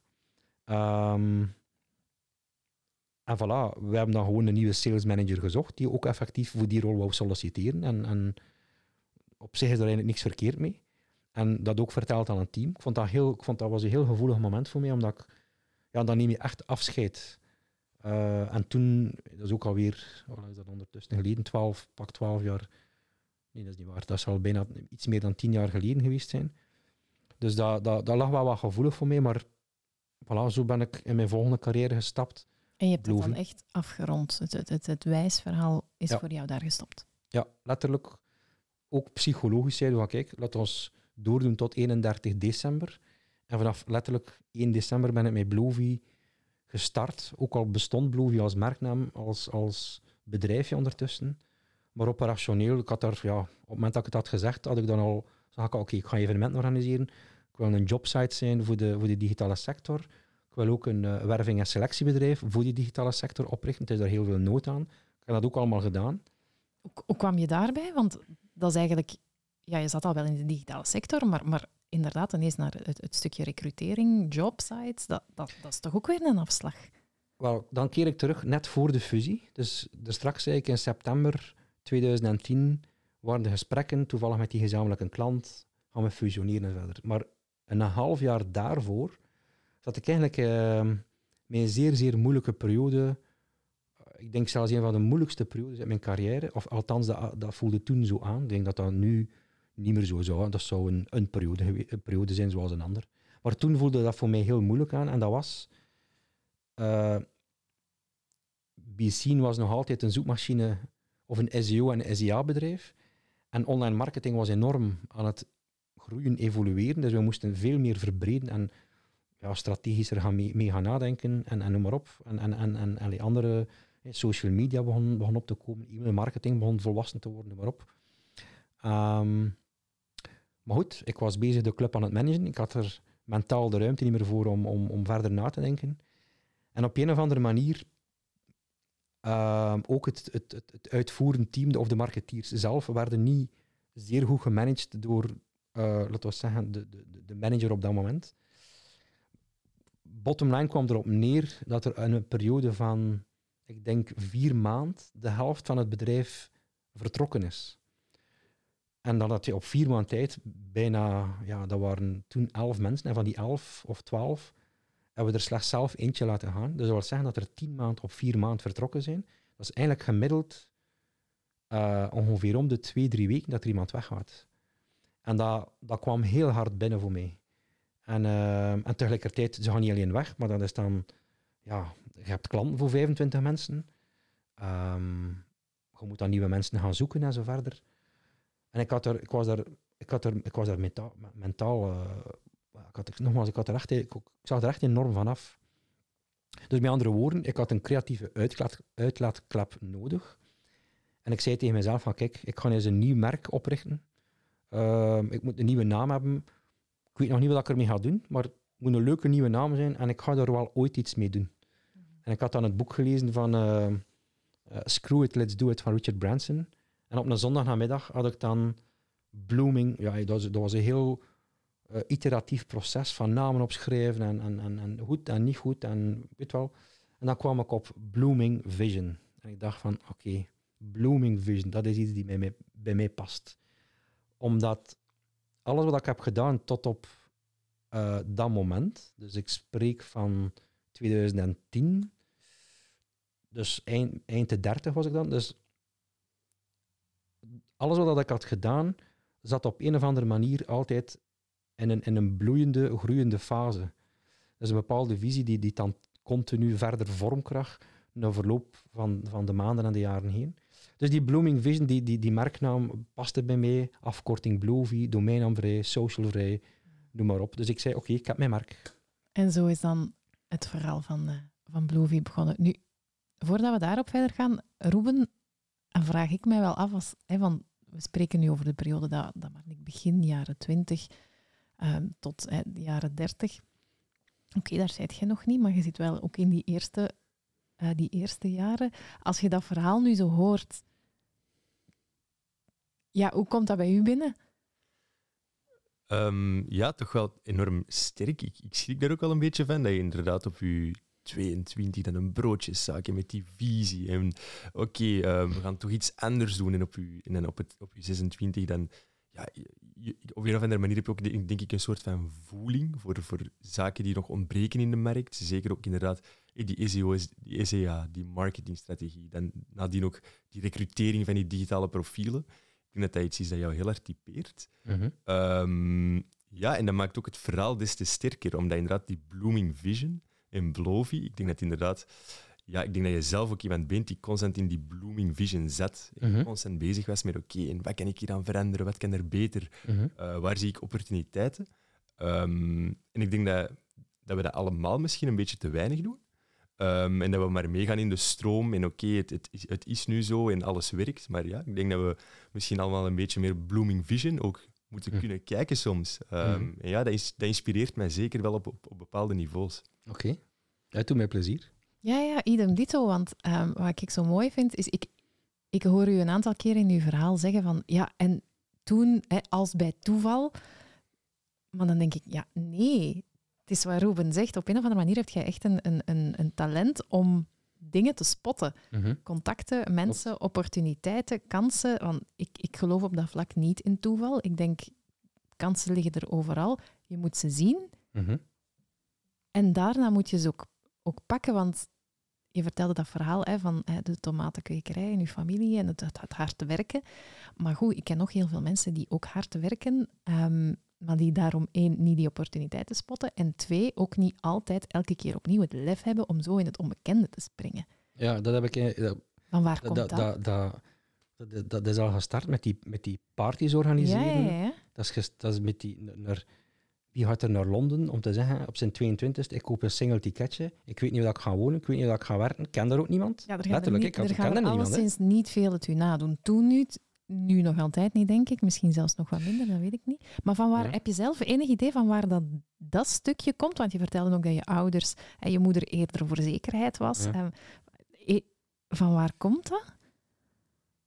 Dat is een goede vraag, daar kan ik nu niet op antwoorden. Dat weet ik niet. Nee, het, het Ehm, intrigeert me. Zit dat misschien, ik weet dat niet, zit dat ergens in het, eh, ik weet dat niet, in het DNA op een of andere manier? Ik vermoed het. Ehm, nu dat ik er misschien over nadenk, ik ben, ehm, dat wil zeggen, de drang naar vrijheid en avontuur zit in iedereen, dat is een, dat is een basisbehoefte, maar de, de, de, de hang naar zekerheid is ook een basisbehoefte. En dat wil zeggen, die balans is bij iedereen anders. Maar waarschijnlijk zal die balans meer overwegen bij mij om, om net voor het onbekende te kiezen. Ik moet eerlijk zeggen, ook Karen en Ruben, ik, eh, dat is niet altijd de gemakkelijkste weg geweest. Want als ik, terug, als ik nu bij Netles BC terugkijk, we hebben, we, hebben, we hebben een fusie achter de rug. Ehm, dat was echt in de markt een beetje de, gedurende toch een bepaalde korte periode, de talk of town. Wauw, oké, BC, Netles, eh, die, gaan fusie, of die zijn gefusioneerd. Uh, 50 man, Ondertussen was er ook, ehm, eh, ik denk Talking Heads, een, social media bedrijfje, die daar, eh, een, een van de eerste, om niet te zeggen, denk ik ook het eerste, in Vlaanderen. En dat was ook een man of zes, dus we waren eigenlijk al met net geen 60 mensen. Ik was verantwoordelijk voor sales. Ehm, ja, we hadden dan een, een, bank binnen en een aantal andere grote klanten, grote e-commerce bedrijven die, die soms 50.000 euro per maand spendeerden aan, aan, aan, social budget, aan, eh, sorry, aan Google AdWords budget. Dus dat waren leuke marges en zo verder. Dus ik kon letterlijk relatief achteroverleunen in mijn stoel. Als salesmanager had- was, was er een team, denk ik, van zes of zeven salesmensen die het eigenlijk ook vrij goed deden allemaal. Dus ja, dat was een, een zekerheid. Hè. Ik kon een leuke factuur sturen op het einde van de maand en, ik, en, en, en ondertussen waren waren ik met een aantal medevenoten en, en voilà, de, de markt was aan het groeien, moest maar gewoon En oppikken wat- wat, dat er, wat dat er op ons afkwam, bij Wat wijze van spreken. maakt dat dat voor jou hè, op dat moment niet genoeg is? Want voor veel mensen zou dat genoeg zijn. Hè? Een bloeiend Mhm. bedrijf, een, een zekerheid qua inkomen, een, een comfortabele job in je Mhm. comfortzone. Wat maakt dat dat voor jou niet genoeg is? Wat mis jij dan? Ik, ik weet dat niet. Ehm, ik weet dat niet. Is dat nu een drang naar, naar vernieuwing? Eh, maar nogmaals, dat is niet altijd makkelijk. Hè? Want dat, dat, dat, als, ook als, als mens ervaar ik dat ook soms niet altijd als makkelijk. Ook privé eh, is dat bijvoorbeeld, manifesteert hem dat bijvoorbeeld ook. Dat je dan plots een, een beslissing neemt, dat je vanaf nul opnieuw start. En dat is, eh, en dat van, ja, maar waarom doe je dat? Ja, ik, ik kan er niet, in alle eerlijkheid niet direct een antwoord op geven. Dat is het aard van het beestje. En dan moet je dat maar volgen. En soms, soms is dat een hele goede beslissing. En soms besef je van, oh, die beslissing, dat zorgt er nu toch wel voor dat je daar ja, vanaf nul beginnen, is, is weer terug een, een langere periode om dat te gaan opbouwen totdat dat daar staat, of, of een nieuw leven, of een stuk, allee, nieuw, nieuw, dat nieuw deel in je leven opnieuw vorm krijgt. Ehm, maar aan de andere kant, moest ik het dan niet doen, dan zou het voor mij heel snel vervelen. En dan is dat de keuze, wil je in, wil je in verveling eindigen, of in verve eindigen, wil je in verveling verder Ja, in leven- jouw verveling, hè? in iets wat voor jou uiteindelijk niet voldoende uitdagend is. Ja, ja.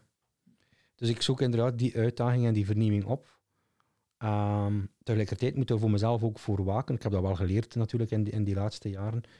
Dat je daar een bepaalde balans in vindt. Dat je daar ook je- jezelf niet in verliest. Dat dat te veel continu nieuw en verandering en opnieuw en maar op wordt.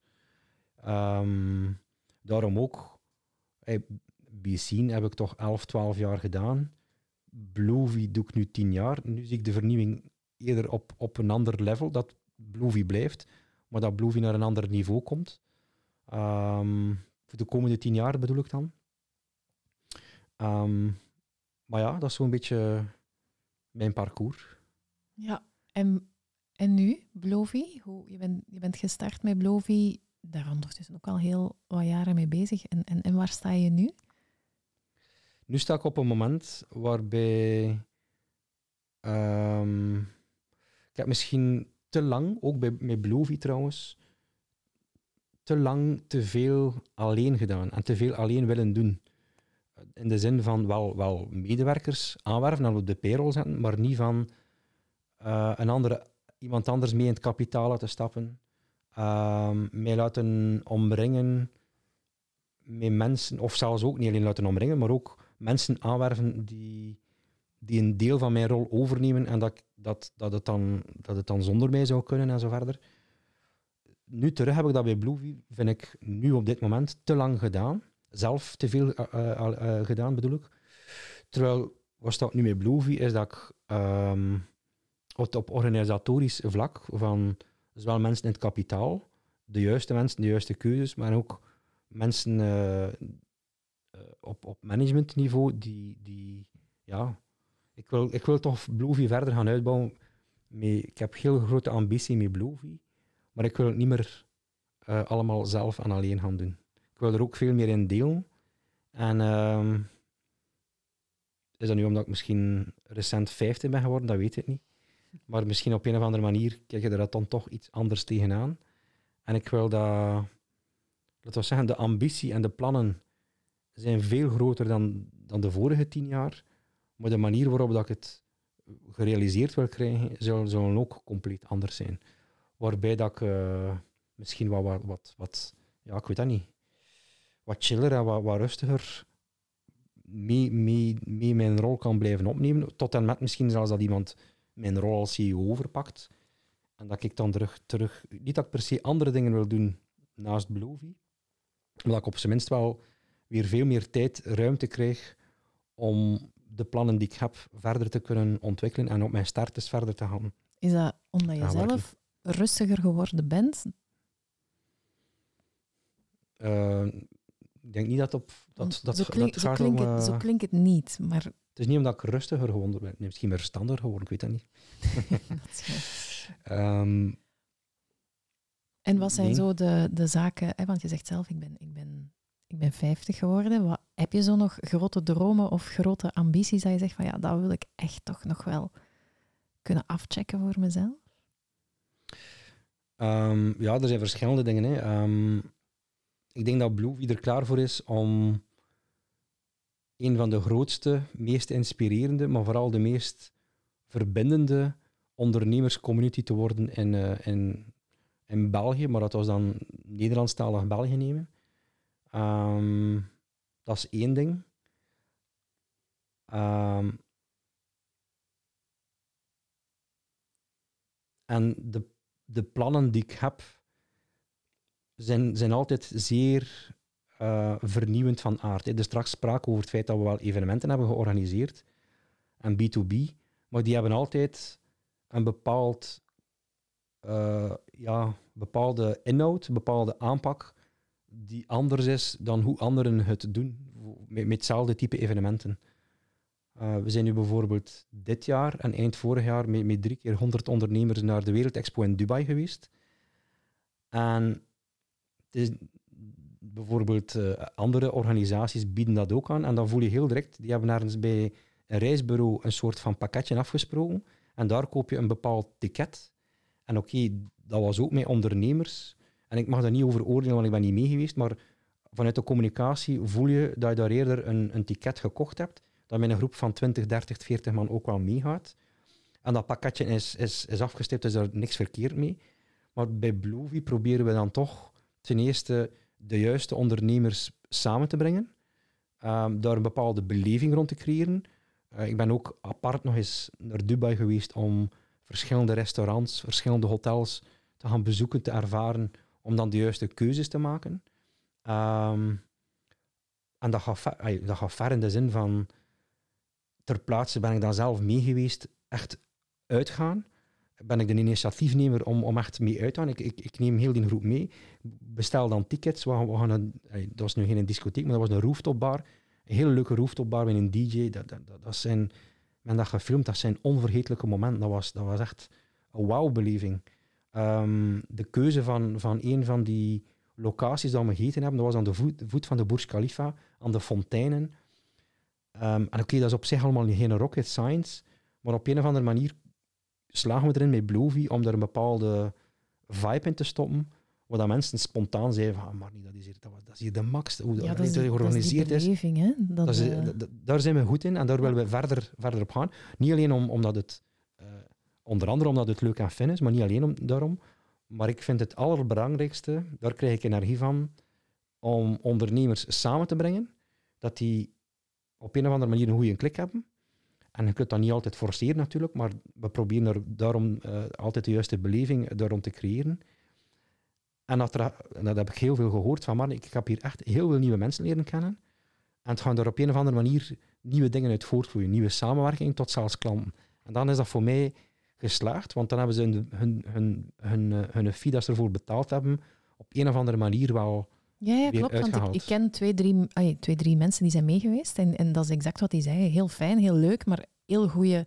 Um, en ze dan, zeggen, dan spreken ze niet over contacten, maar over relaties. Ja. En dat zegt ook al veel, vind ik. Ja. Van, ik heb er goede contacten. Nee, nee, ik heb er goede relaties aan overgehouden. En we gaan nog samenwerken. En, en, en, ja. ja, en dat zegt iets over inderdaad de vibe en, en onderliggend wat dat Wel, er daar op die, Op die weg willen we verder gaan. Dat, is nu, dat, is natuurlijk, dat was nu een eenmalig evenement, want er is maar om de uh, vier jaar een, een, een wereldexpo. We hebben trouwens al niet geboekt, want dat is, dat is te vroeg, maar wel alle plannen voor Japan in Osaka. Ik ga mee. Ga je ik, heb het al gezegd, ik ga mee. voilà, zeker welkom. Maar ik denk dat er al, er zijn nu net nog, nog geen 50 mensen ingeschreven. Het is pas in 2024, denk ik dat zal zijn. Ehm, maar ook andere, andere voilà, we gaan een, een, de Bluevie Entrepreneurs Summit organiseren op 8 en 9 september. En ook daar, heel dat concept, ben letterlijk met een wit blad gestart.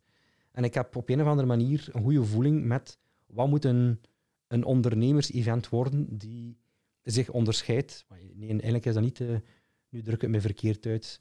Het, mij willen onderscheiden van andere ondernemers-events is niet de focus, maar ook kan ik er een ondernemers-event van, van maken, waar dat iedereen nadien zegt van ah, het, was, het, was, het was tof, er waren goede sprekers, ik heb hier eh, op, op, op de juiste leuke manier een, een, een networking beleefd, ik heb andere ondernemers ontmoet, eh, de food en de drinks, de, de locatie, de, de, de, de inkleding van die locatie, noem maar op, de organisatie uiteraard, dat was allemaal vlekloos verlopen. Weer, weer de beleving Ik eigenlijk ga, ik ga, Z. die beleving vind ik super Ja, belangrijk. ja, ja. Die beleving is zeer belangrijk. Eh, er wordt, ik kan niet zeggen, de fout gemaakt dat de focus te veel ligt van op de sprekers en de inhoud. Dat, dat, is, dat, dat moet goed zijn, maar dat is basis. Maar wat creëer je daar rond? En dat is... eh, ja, daar krijg, daar dat krijg, ik, eh, daar krijg, ik, daar krijg ik eh, Ja. energie van. En als ik dan terugkijk, ja, daar ben ik niet, mee, niet echt mee begonnen. Ik ben eigenlijk een beetje begonnen, hè, zoals ik zei, bij de, bij de, bij de. Maar op mijn eh 22e ben ik begonnen maar met die parties te organiseren en die beleving er rond. Dat, dat, dat, dat, voilà, dat, eh, dat wil ik verder zetten op, op een ander level. Zeg, en als je naar eh, heel dat verhaal kijkt, waar ben je... Er zijn er ongetwijfeld meerdere, maar is er zoiets dat je echt zegt van ja, daar ben ik nu echt wel heel trots op? Of daar ben ik gewoon trots op? Om die, wat voor die, reden ook? die fusie, daar ben ik zeer trots op. Dat ja. als je een bedrijf uitbouwt eh, naar een kleine KMO van 25 mensen en zit de referentie in je niche. En als je dan een fusie doet, en dan, dan, dan creëer je een, een hele goede synergie. Waar je dan samen naar, naar, next, naar de next level stijgt. Waar je andere klanten, andere type budgetten en zo verder kan aantrekken. In combinatie, want ik heb dan vrij snel beslist om mijn aandeel, ik had toen nog, denk ik 30% in, in die fusie. Dat heb ik dan verkocht aan de Kronos groep. Dus de combinatie van die fusie en die verkoop, dat vind ik wel een, eh, denk ik nog altijd een van mijn hoogtepunten. Ja. ja. Allee, dat, is, dat, is er, eh, dat, is er, eh, dat is er eentje van. Een tweede, toen dat ik daar zat in die zaal van achter en keek van, ah oké, uitleg, dat bedrijf verkoopt websites, maar dat is zo weer op een eh, eh, multilevel manier. En ik zei, ik ga dat doen, maar ik ga dat niet voor hen doen, ik ga dat voor mezelf doen. En dan kan journalist, journalistiek gewijs wat ondernemers interviewen en, en to steal with my eyes. Ehm, en, en, het, en, en iets starten en uitbouwen waar je eigenlijk totaal niks van kent. Ehm, dat, vind ik, eh, dat vind ik fantastisch. En eigenlijk de start van Bluevie ook. Dat is eh, gestart als een jobsite, want ik had dan die zondagavond mijn merk, ik had dan de domeinnaam geregistreerd. Dan zei ik tegen mijn eigen van, wat ga je doen met Bluevie? En dan zei ik van, ja, omdat ik die, die moeilijke fase had meegemaakt, eh dat er 10, 11 mensen vertrokken waren, moest ik, en dan heb ik ze heel snel gevonden, ook gelukkig goede mensen, denk ik dat ik ze op twee, drie maanden, eh, waren er tien nieuwe mensen gestart. Ik had ze zelf gezocht en ik voelde dat die, die eh, ik werkte toen wel voor de eerste keer samen met een werving- en selectiebedrijf en ik voelde dat de vraag naar die profielen enorm aan het stijgen was. Dus vandaar de beslissing, ik ga een jobsite, Bluevie wordt een jobsite voor digitale profielen, marketingprofielen, geen, geen, geen pure technische development profielen of softwareontwikkelaars, dat is zo net meer te IT. Maar alles wat dat zo het commercieel marketing, digital eh, profielen waren. En direct ook een, werving- en selectiebedrijf, Me. Ehm, ik had dan... eh, Dat is, dat is nu ondertussen het huidige networks, denk ik. Hè? dat is het huidige networks, ja. ja. Omdat, laten we zeggen, Bluevie, ik profileerde Bluevie heel snel als het platform voor de digitale professional. Maar geleidelijk aan begonnen wij ondernemers te bereiken. En heb ik afscheid genomen van heel het HR-gebeuren. De, de, de, de jobsite begon geleidelijk aan eh, in de schaduw te leven van alle content die we door de jaren heen creëerden met, met. Eh, er was ook heel veel verwarring op de markt van, ja, wat doet Bluevie nu? Dat is content, dat is een jobsite, dat is werving en selectie. Die organiseren ook evenementen voor die marketeers. Wat was het nu? En ik had zo'n beetje het idee van het, het merk Virgin van, van Richard Branson. Die, die, die, die, doet ook, die doen ook heel veel verschillende zaken. Die heeft 400, 500 activiteiten onder hetzelfde merk. Ehm, maar goed, dat is dan weer van een ander niveau. Ik ben daar toch van teruggekomen. En HR lag me dan minder. Ik Ben, zijn we dan, laten we sinds 2016, 17 de switch naar ondernemers beginnen maken, qua doelpubliek. Ik had er, ik had er trouwens daarvoor nog een, een, een tweede platform, Elon, opgericht, die zich dan qua content puur richtte naar die ondernemers. Maar Blovie heeft dat dan zelf weer overgenomen. Zijn we zo die content voor die ondernemers beginnen creëren. En, en geleidelijk aan wat we dus uh, nu staan. En nu voel ik die ondernemers, en ook een bepaald type ondernemer, een ondernemer die mee wil zijn met die trends, met die digitalisering, die, um, ja, die wil groeien, die een bepaalde, een bepaalde mindset heeft van zelf veranderen, verbeteren, innoveren. Dit type ondernemer willen we heel specifiek uh, gaan bereiken. En ik voel dat dat goed zit en daar kunnen we weer zeer veel mee doen. Maar dus eigenlijk heb je een platform gecreëerd voor de ondernemer die je zelf altijd was. Eigenlijk misschien wel, ja. ja. Dus nu dat het zo zegt, misschien wel. Ja. Ik denk zelf zeker. Ja.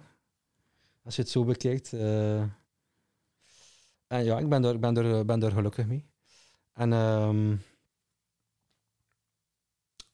ik weet niet, wat is jouw vraag nu? Van wat ben je het meeste trots op of wat je het meeste spijt van? Ja, ja nee, trots. En, maar uiteraard, dan, ja, die vraag ging ook nog komen. Hè, van, wat, zijn er ook zaken dat je achteraf bekeken zegt van ja, dat had ik daar heb, daar heb ik spijt van, of dat, daar is het fout gelopen, of dat had ik misschien anders moeten doen? Of...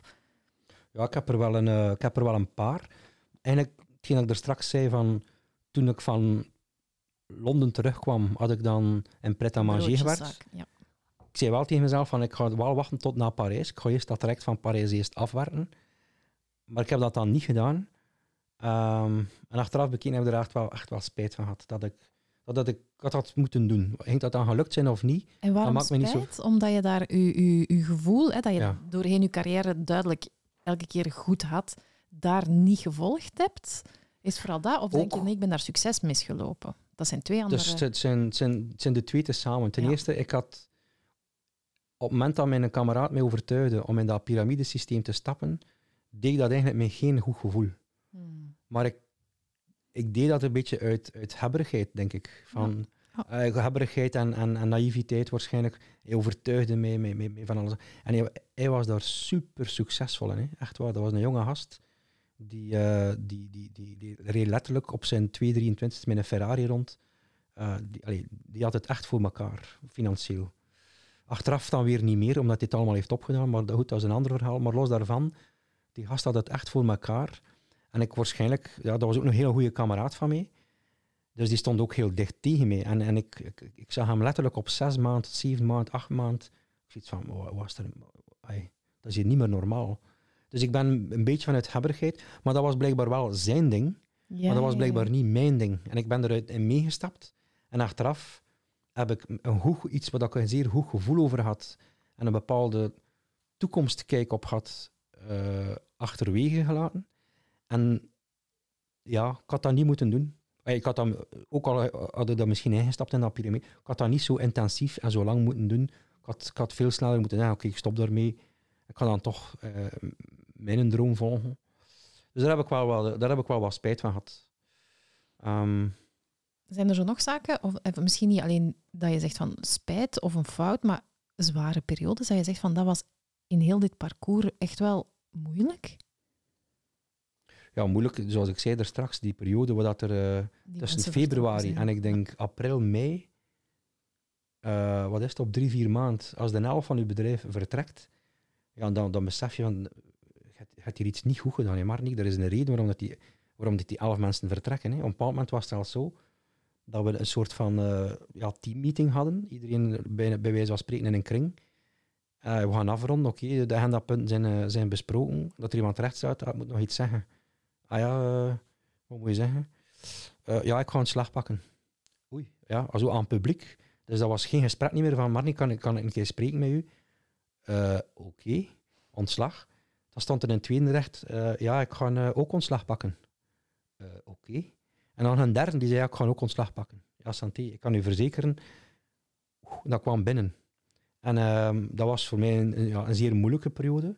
Maar nogmaals, en is dat dan omdat je dat dan op dat moment als een persoonlijk falen? Ja, absoluut. Ik had toen ook... En nu ehm, nog steeds, als je er achteraf zoveel jaren later op terugkijkt, denk je dat effectief dat dat een, een falen was? Want er speelt ook altijd context. Jawel, hè, dat is, eh, je kunt er natuurlijk op verschillende manieren op terugkijken. En zeggen, het, het is dubbel. Ene- eh, enerzijds is dat, eh, laten we zeggen, een onderdeel van het leven van een ondernemer. Niet alles gaat zo makkelijk. Ehm, maar aan, anderzijds, ik besefte op dat moment, de, de reden waarom dat, dat, waarom dat, dat gebeurde was omdat ehm, dat we zeggen, het managen van het bedrijf, zowel van mezelf, mijn medevenoot, als van de persoon die dus het, het eh, marketingteam leidde. En ik wil dat ook niet op hem alleen steken, voor alle duidelijkheid, of op mijn medevenoot, of op mij. Maar goed, dat is, dat is... Maar ik heb niet snel genoeg ingegrepen wat dat het toen qua management fout ging, was één. En een gevolg daarvan was dat, dat ik zelf niet genoeg kon schakelen, of niet snel genoeg kon schakelen, om de, vernieuwing, de vernieuwingen binnen online marketing ook als een, als een volwaardig aanbod uit te werken, waarbij, dat je, waarbij dat we een beetje te lang een, een zoekmachine-optimalisatiebedrijf versus een vernieuwend online marketingbedrijf waren. Want online marketing was dan een heel snelle evolutie en beweging. En toen op dat moment was dat nog niet zo'n groot probleem, maar je voelde wel dat, dat, dat, dat, dat, dat er daar ja, wel wat haperde. Ehm, op dat moment tegelijkertijd had ik issues met mijn medevenoot. Omwille van een aantal, ja, omwille van een aantal redenen. Dat team zal dat ook gevoeld hebben. Dus dat, zijn, dat is een beetje een samenloop van omstandigheden. Dat was een hele moeilijke periode. Maar goed, dat is tussen februari en april, mei. Dan heb ik heel snel... Ja, want hoe ben je daar zelf mee omgegaan? Of hoe ben je daar doorgekomen? Wat, wat heeft jou op dat moment op de been gehouden? de- Ja. die boek Ja. lezen en een nieuw merk starten en mentaal creatief kunnen bezig zijn en zeggen, ik heb een nieuw merk. Wat ik ermee ga doen, doesn't matter. Maar ik had een paar weken, aan een, paar week, eh, ja, een paar weken eh, daar tijd in gestopt ehm, om dat merk te creëren. En een keer dat dat merk er is, beginnen na te denken, wat kan ik met dat merk doen? En dat gaf me terug perspectief. En dat in combinatie dat ik wel nieuwe mensen moest zoeken, ze ook vrij snel vond in samenwerking met eh Camille, wat ik dan later uh, Blue ben op, mee, heb opgericht. Allee, onder andere met Camille. Ehm, ik heb tien nieuwe goede mensen gevonden. En het gesprek al in september met Bart van zouden niet fusioneren, wat dat toen al in mijn hoofd zat van een van de drie opties. Dus een combinatie van alles was, was...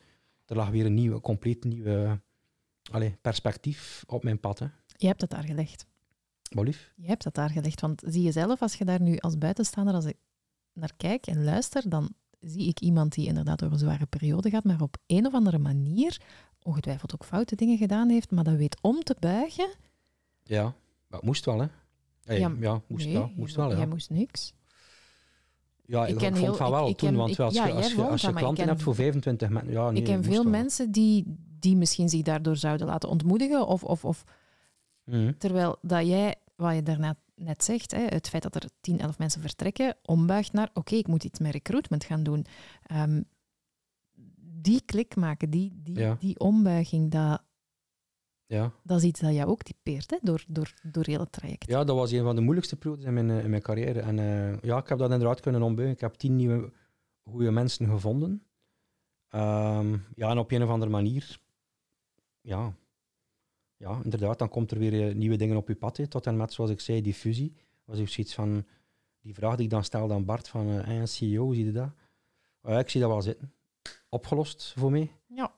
En eh, ja, ik was daar, ja, beschouw dat nog altijd als een van, eh, een van de moeilijkste momenten. En tegelijkertijd, eh, dan zes maanden later, een van de mooiste momenten uit Ja, eh, mijn carrière. Ja. Terecht. Ik snap dat je zegt dat je daar trots op bent. Zeker als je het kader en de achtergrond daarachter weet. Ja, Van waar het komt. Dat het eigenlijk Ja. uit een soort van crisis komt, dat je dat dan ombuigt tot een succesverhaal. ja.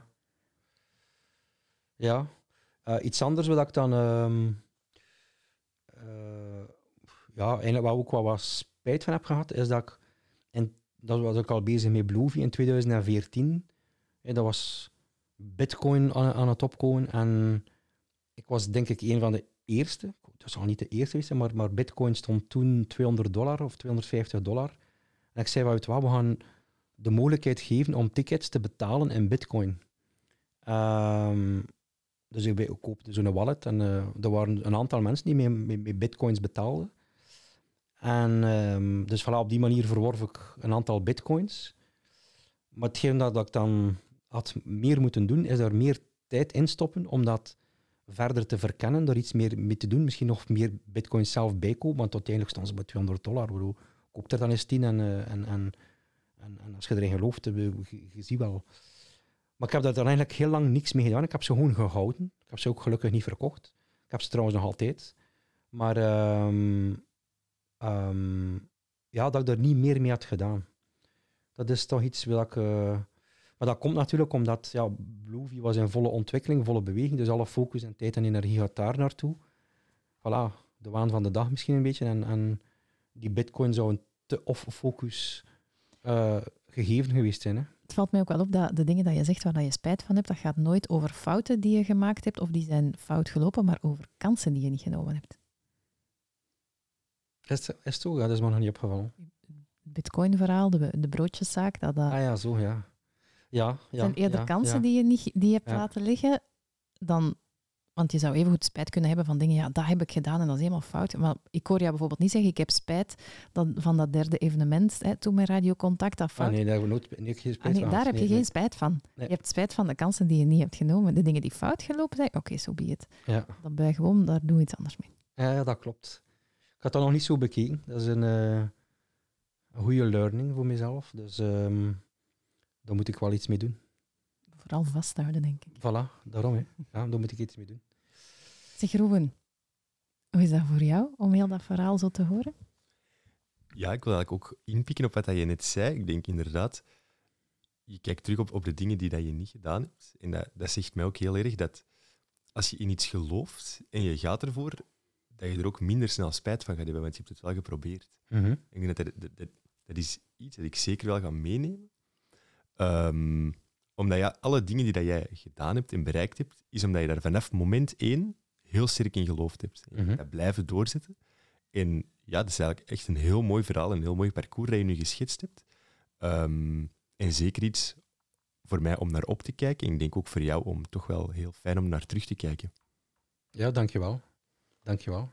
En heb je zo nog een vraag of iets dat je zegt van, goh, maar ik dat zou ik nog willen weten of, uh, of niet meteen? Um, ja, ik denk dat ik wel een, een, fijne vraag heb. Stel dat je nu aan je 20-jarige Mernik een advies zou kunnen geven met alle ervaring die dat je nu hebt. Uh, wat zou dat advies dan juist zijn? Dat advies zou zijn dat de, de starters die ik heb, Allee, dat zegt van, je hebt een idee, je gelooft erin, je gaat ermee aan de slag en zo verder. Um, maar wat ik wel aan mijn 20-jarige zelf zou zeggen is van, kijk maar als je dan dat idee hebt, je gelooft erin en je wilt er iets mee doen, oké, bekijk dat even, neem er even iets meer tijd voor, steek iets meer uh, tijd in voorbereiding en ga veel sneller, of trek veel sneller iemand aan die complementair is met, met, met, jezelf. Um, want ondertussen heb ik het wel begrepen dat als je het met twee of meer dan alleen doet, en dan spreek ik niet van, je, je doet het altijd met een team, met mensen, medewerkers, die, die, die nee, ervoor betaald worden, mee, maar effectief, naast jou. Voilà, effectief partners, dat, dat heb ik heel lang uh, bewust net niet willen doen. Um, en in alle eerlijkheid heeft dat een stuk te maken met een stuk niet willen delen. Als ik er eerlijk in ben, dan is dat zo. Allee, niet willen delen. Allee, dat is niet alleen dat, dat is niet willen delen enerzijds, dat is ook het volledig zelf doen, dan, dan, dan doe je het volledig naar je, naar je eigen zin. Dan heb je ook geen mensen waar je mee in conflict kunt geraken, die het dan anders zien en, en, en noem maar op. Um, maar toch had ik, dat, ik had dat wel veel vroeger moeten doen. Dat we iets meer tijd en misschien ging dan alles, ik weet het niet, nog sneller, nog groter, nog makkelijker. Ik weet het niet. Uh, misschien, misschien vooral zijn. nog makkelijker, hè? want sneller en groter als je, als je het verhaal al hoort. Well, ik weet dat niet. Uh, in alle eerlijkheid, ik, ik, kijk, ik kijk uiteraard ook op als je dan, als je dan naar, uh, zelfs in België, dan moet, ik, moet ik nog niet direct naar het buitenland kijken, maar zelfs jonge Belgische twintigers, dertigers die een, een, een, een echte scale-up hebben opgebouwd, die, die, die, die, die vrij snel miljoenen tot soms tientallen miljoenen en, en, en zelfs een paar uitzonderingen van honderden miljoenen euro's waardering hebben, uh, geïnternationaliseerd zijn en zo verder, ja, dan kijk ik als ondernemer er ook naartoe van, oei, dat is wel een... Uh, ja, chapeau natuurlijk. Dat is wel een heel groot verschil en dan voel ik me ook weer klein als ondernemer. Anders, hè? Wat lief? Echt chapeau natuurlijk voor die mensen, maar de tijden zijn ook gigantisch anders. Hè?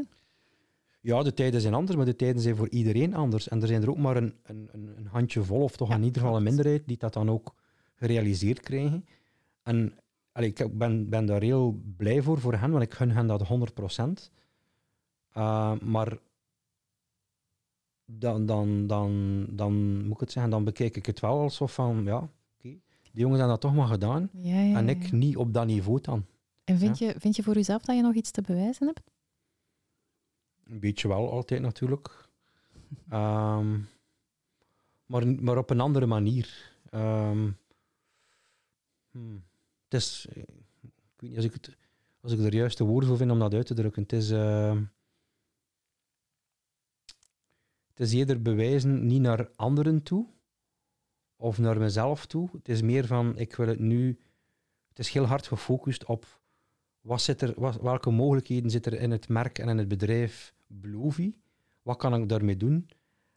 Um, en ik heb het inderdaad ook van mij afgezet, want ik heb daar tot, tot laten we zeggen, tot drie, vier jaar geleden, en, en, en in het begin Blovy, toen dat heel die start-up scene, die uh, investering die er naartoe vloeide en, en die succesverhalen, ik focus me even bewust niet op de, de, faal, de faalverhalen, maar ik ben er wel heel hard mee bezig geweest van, van, van uh, ja, wat er daar gerealiseerd werd en wat ik en het verschil met mij en mijn bedrijf. Dat heb ik toch een paar jaar daarmee bezig geweest. Maar dat heb ik volledig losgelaten sinds, de, laatste paar jaar.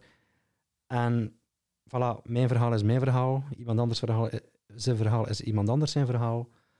Um, puur focussen op wat is mijn verhaal, wat zijn daar de starten zijn, van zowel van mij als persoon, wat zijn de mogelijkheden van Bluevy, um, van, dat, van dat merk Bluevy, van ons aanbod en, en maar op. Dat is vooral puur daarop gefocust. Dus de, de, dus de focus. Echt nog meer vooral naar jouw gevoel, jouw verhaal, jouw ja. gevoel. Dus dat bewijs, als je zegt van moet je nog bewijzen, ja, maar dat is minder extern gefocust, dat is meer Wat naar, de, jou naar, naar de eigen kern uh, ja. gefocust. Ja. En, uh, en dat, is al, dat is al voldoende. Ja, ja, ja. Ik denk dat dat, al, ik denk dat, dat een, een weg of een proces is dat, dat lang niet iedereen loopt.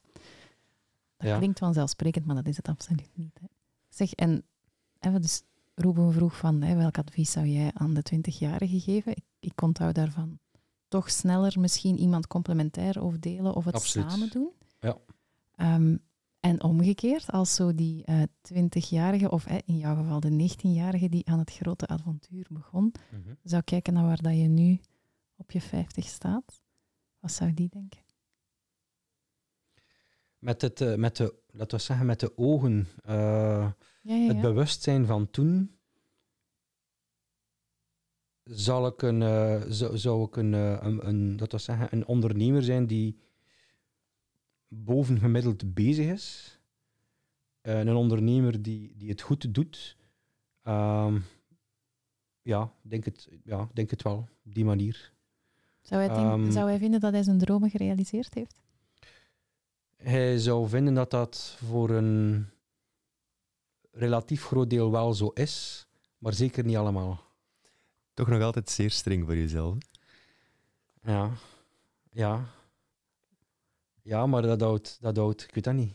Dat houdt mij ook wakker, ik weet dat niet. Uh, ja, het verklaart een stuk de drive. Maar ik ben dat misschien wel, uh, dat is misschien wel, uh, dat, is, dat is zeker een, uh, laten we zeggen, een aandachtspunt om eens effectief stil te staan en zeggen van oké, okay, wat dat er wel is, mag je ook wel eens aandacht voor hebben. En mag je, wat, mag je wat, wat meer vieren. Mag je wel inderdaad wat, wat meer blij mee zijn, trots op zijn en, en zo verder. Dat, dat klopt wel, ja. Dat ben ik zeker te weinig. Ja, ja, en onterecht. Hè? Want hoe was dat nu voor jou? Om zo eens even terug doorheen jouw loopbaan, ah, parcours te ehm, vliegen met ons. Leuk. Ja, dat is een... Um, ja. Als ik eerlijk ben, voelde ik een aantal emoties van een aantal momenten terug. Zowel de goede als de minder goede. Dus dat die emoties wel voelt, dat moest ze even eh, controleren. Ehm, Ja, dat gevoel is ook belangrijk bij jou, hè? maar ik denk dat dat een hele grote bron van kracht en inspiratie en die vo- ja, voeling. Hè? ja.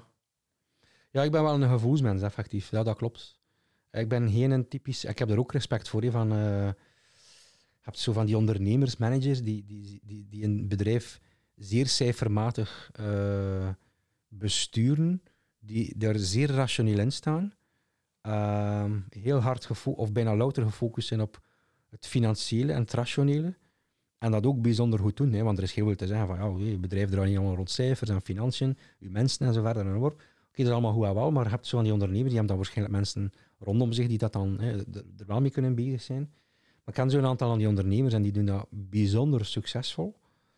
Ehm, en ik ben er ook heel hard mee bezig, met cijfers en het financiële en zo verder, maar minder vanuit een rationele aanpak.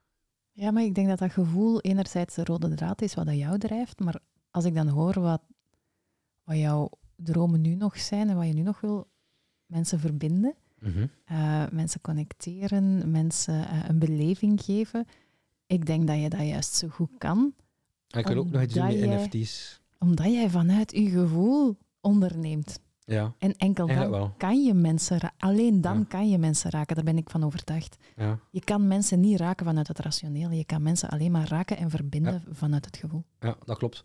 Want die, die, die, die ondernemers die ik zeg, die, waarvan ik zeg dat die heel succesvol zijn, door heel rationeel, cijfermatig en zo verder, eh, dat bedrijf te runnen, dat zijn ook dikwijls diensten en producten die, die heel rationeel aan elkaar zijn. Dat, dat, is een, ja, dat zijn, eh, dat zijn eh, ja.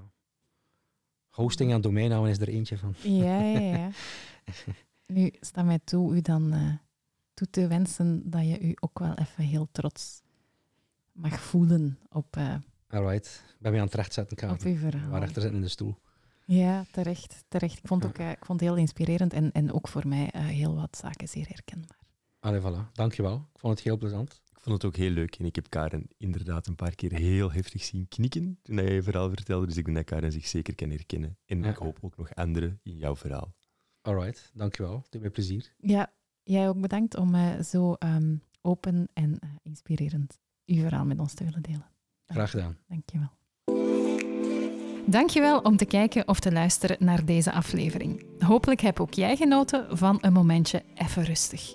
Benieuwd naar nog meer eerlijke verhalen? Abonneer je dan zeker op een van onze podcastkanalen via Castbox, YouTube, Spotify of Apple Podcast. Tot dan!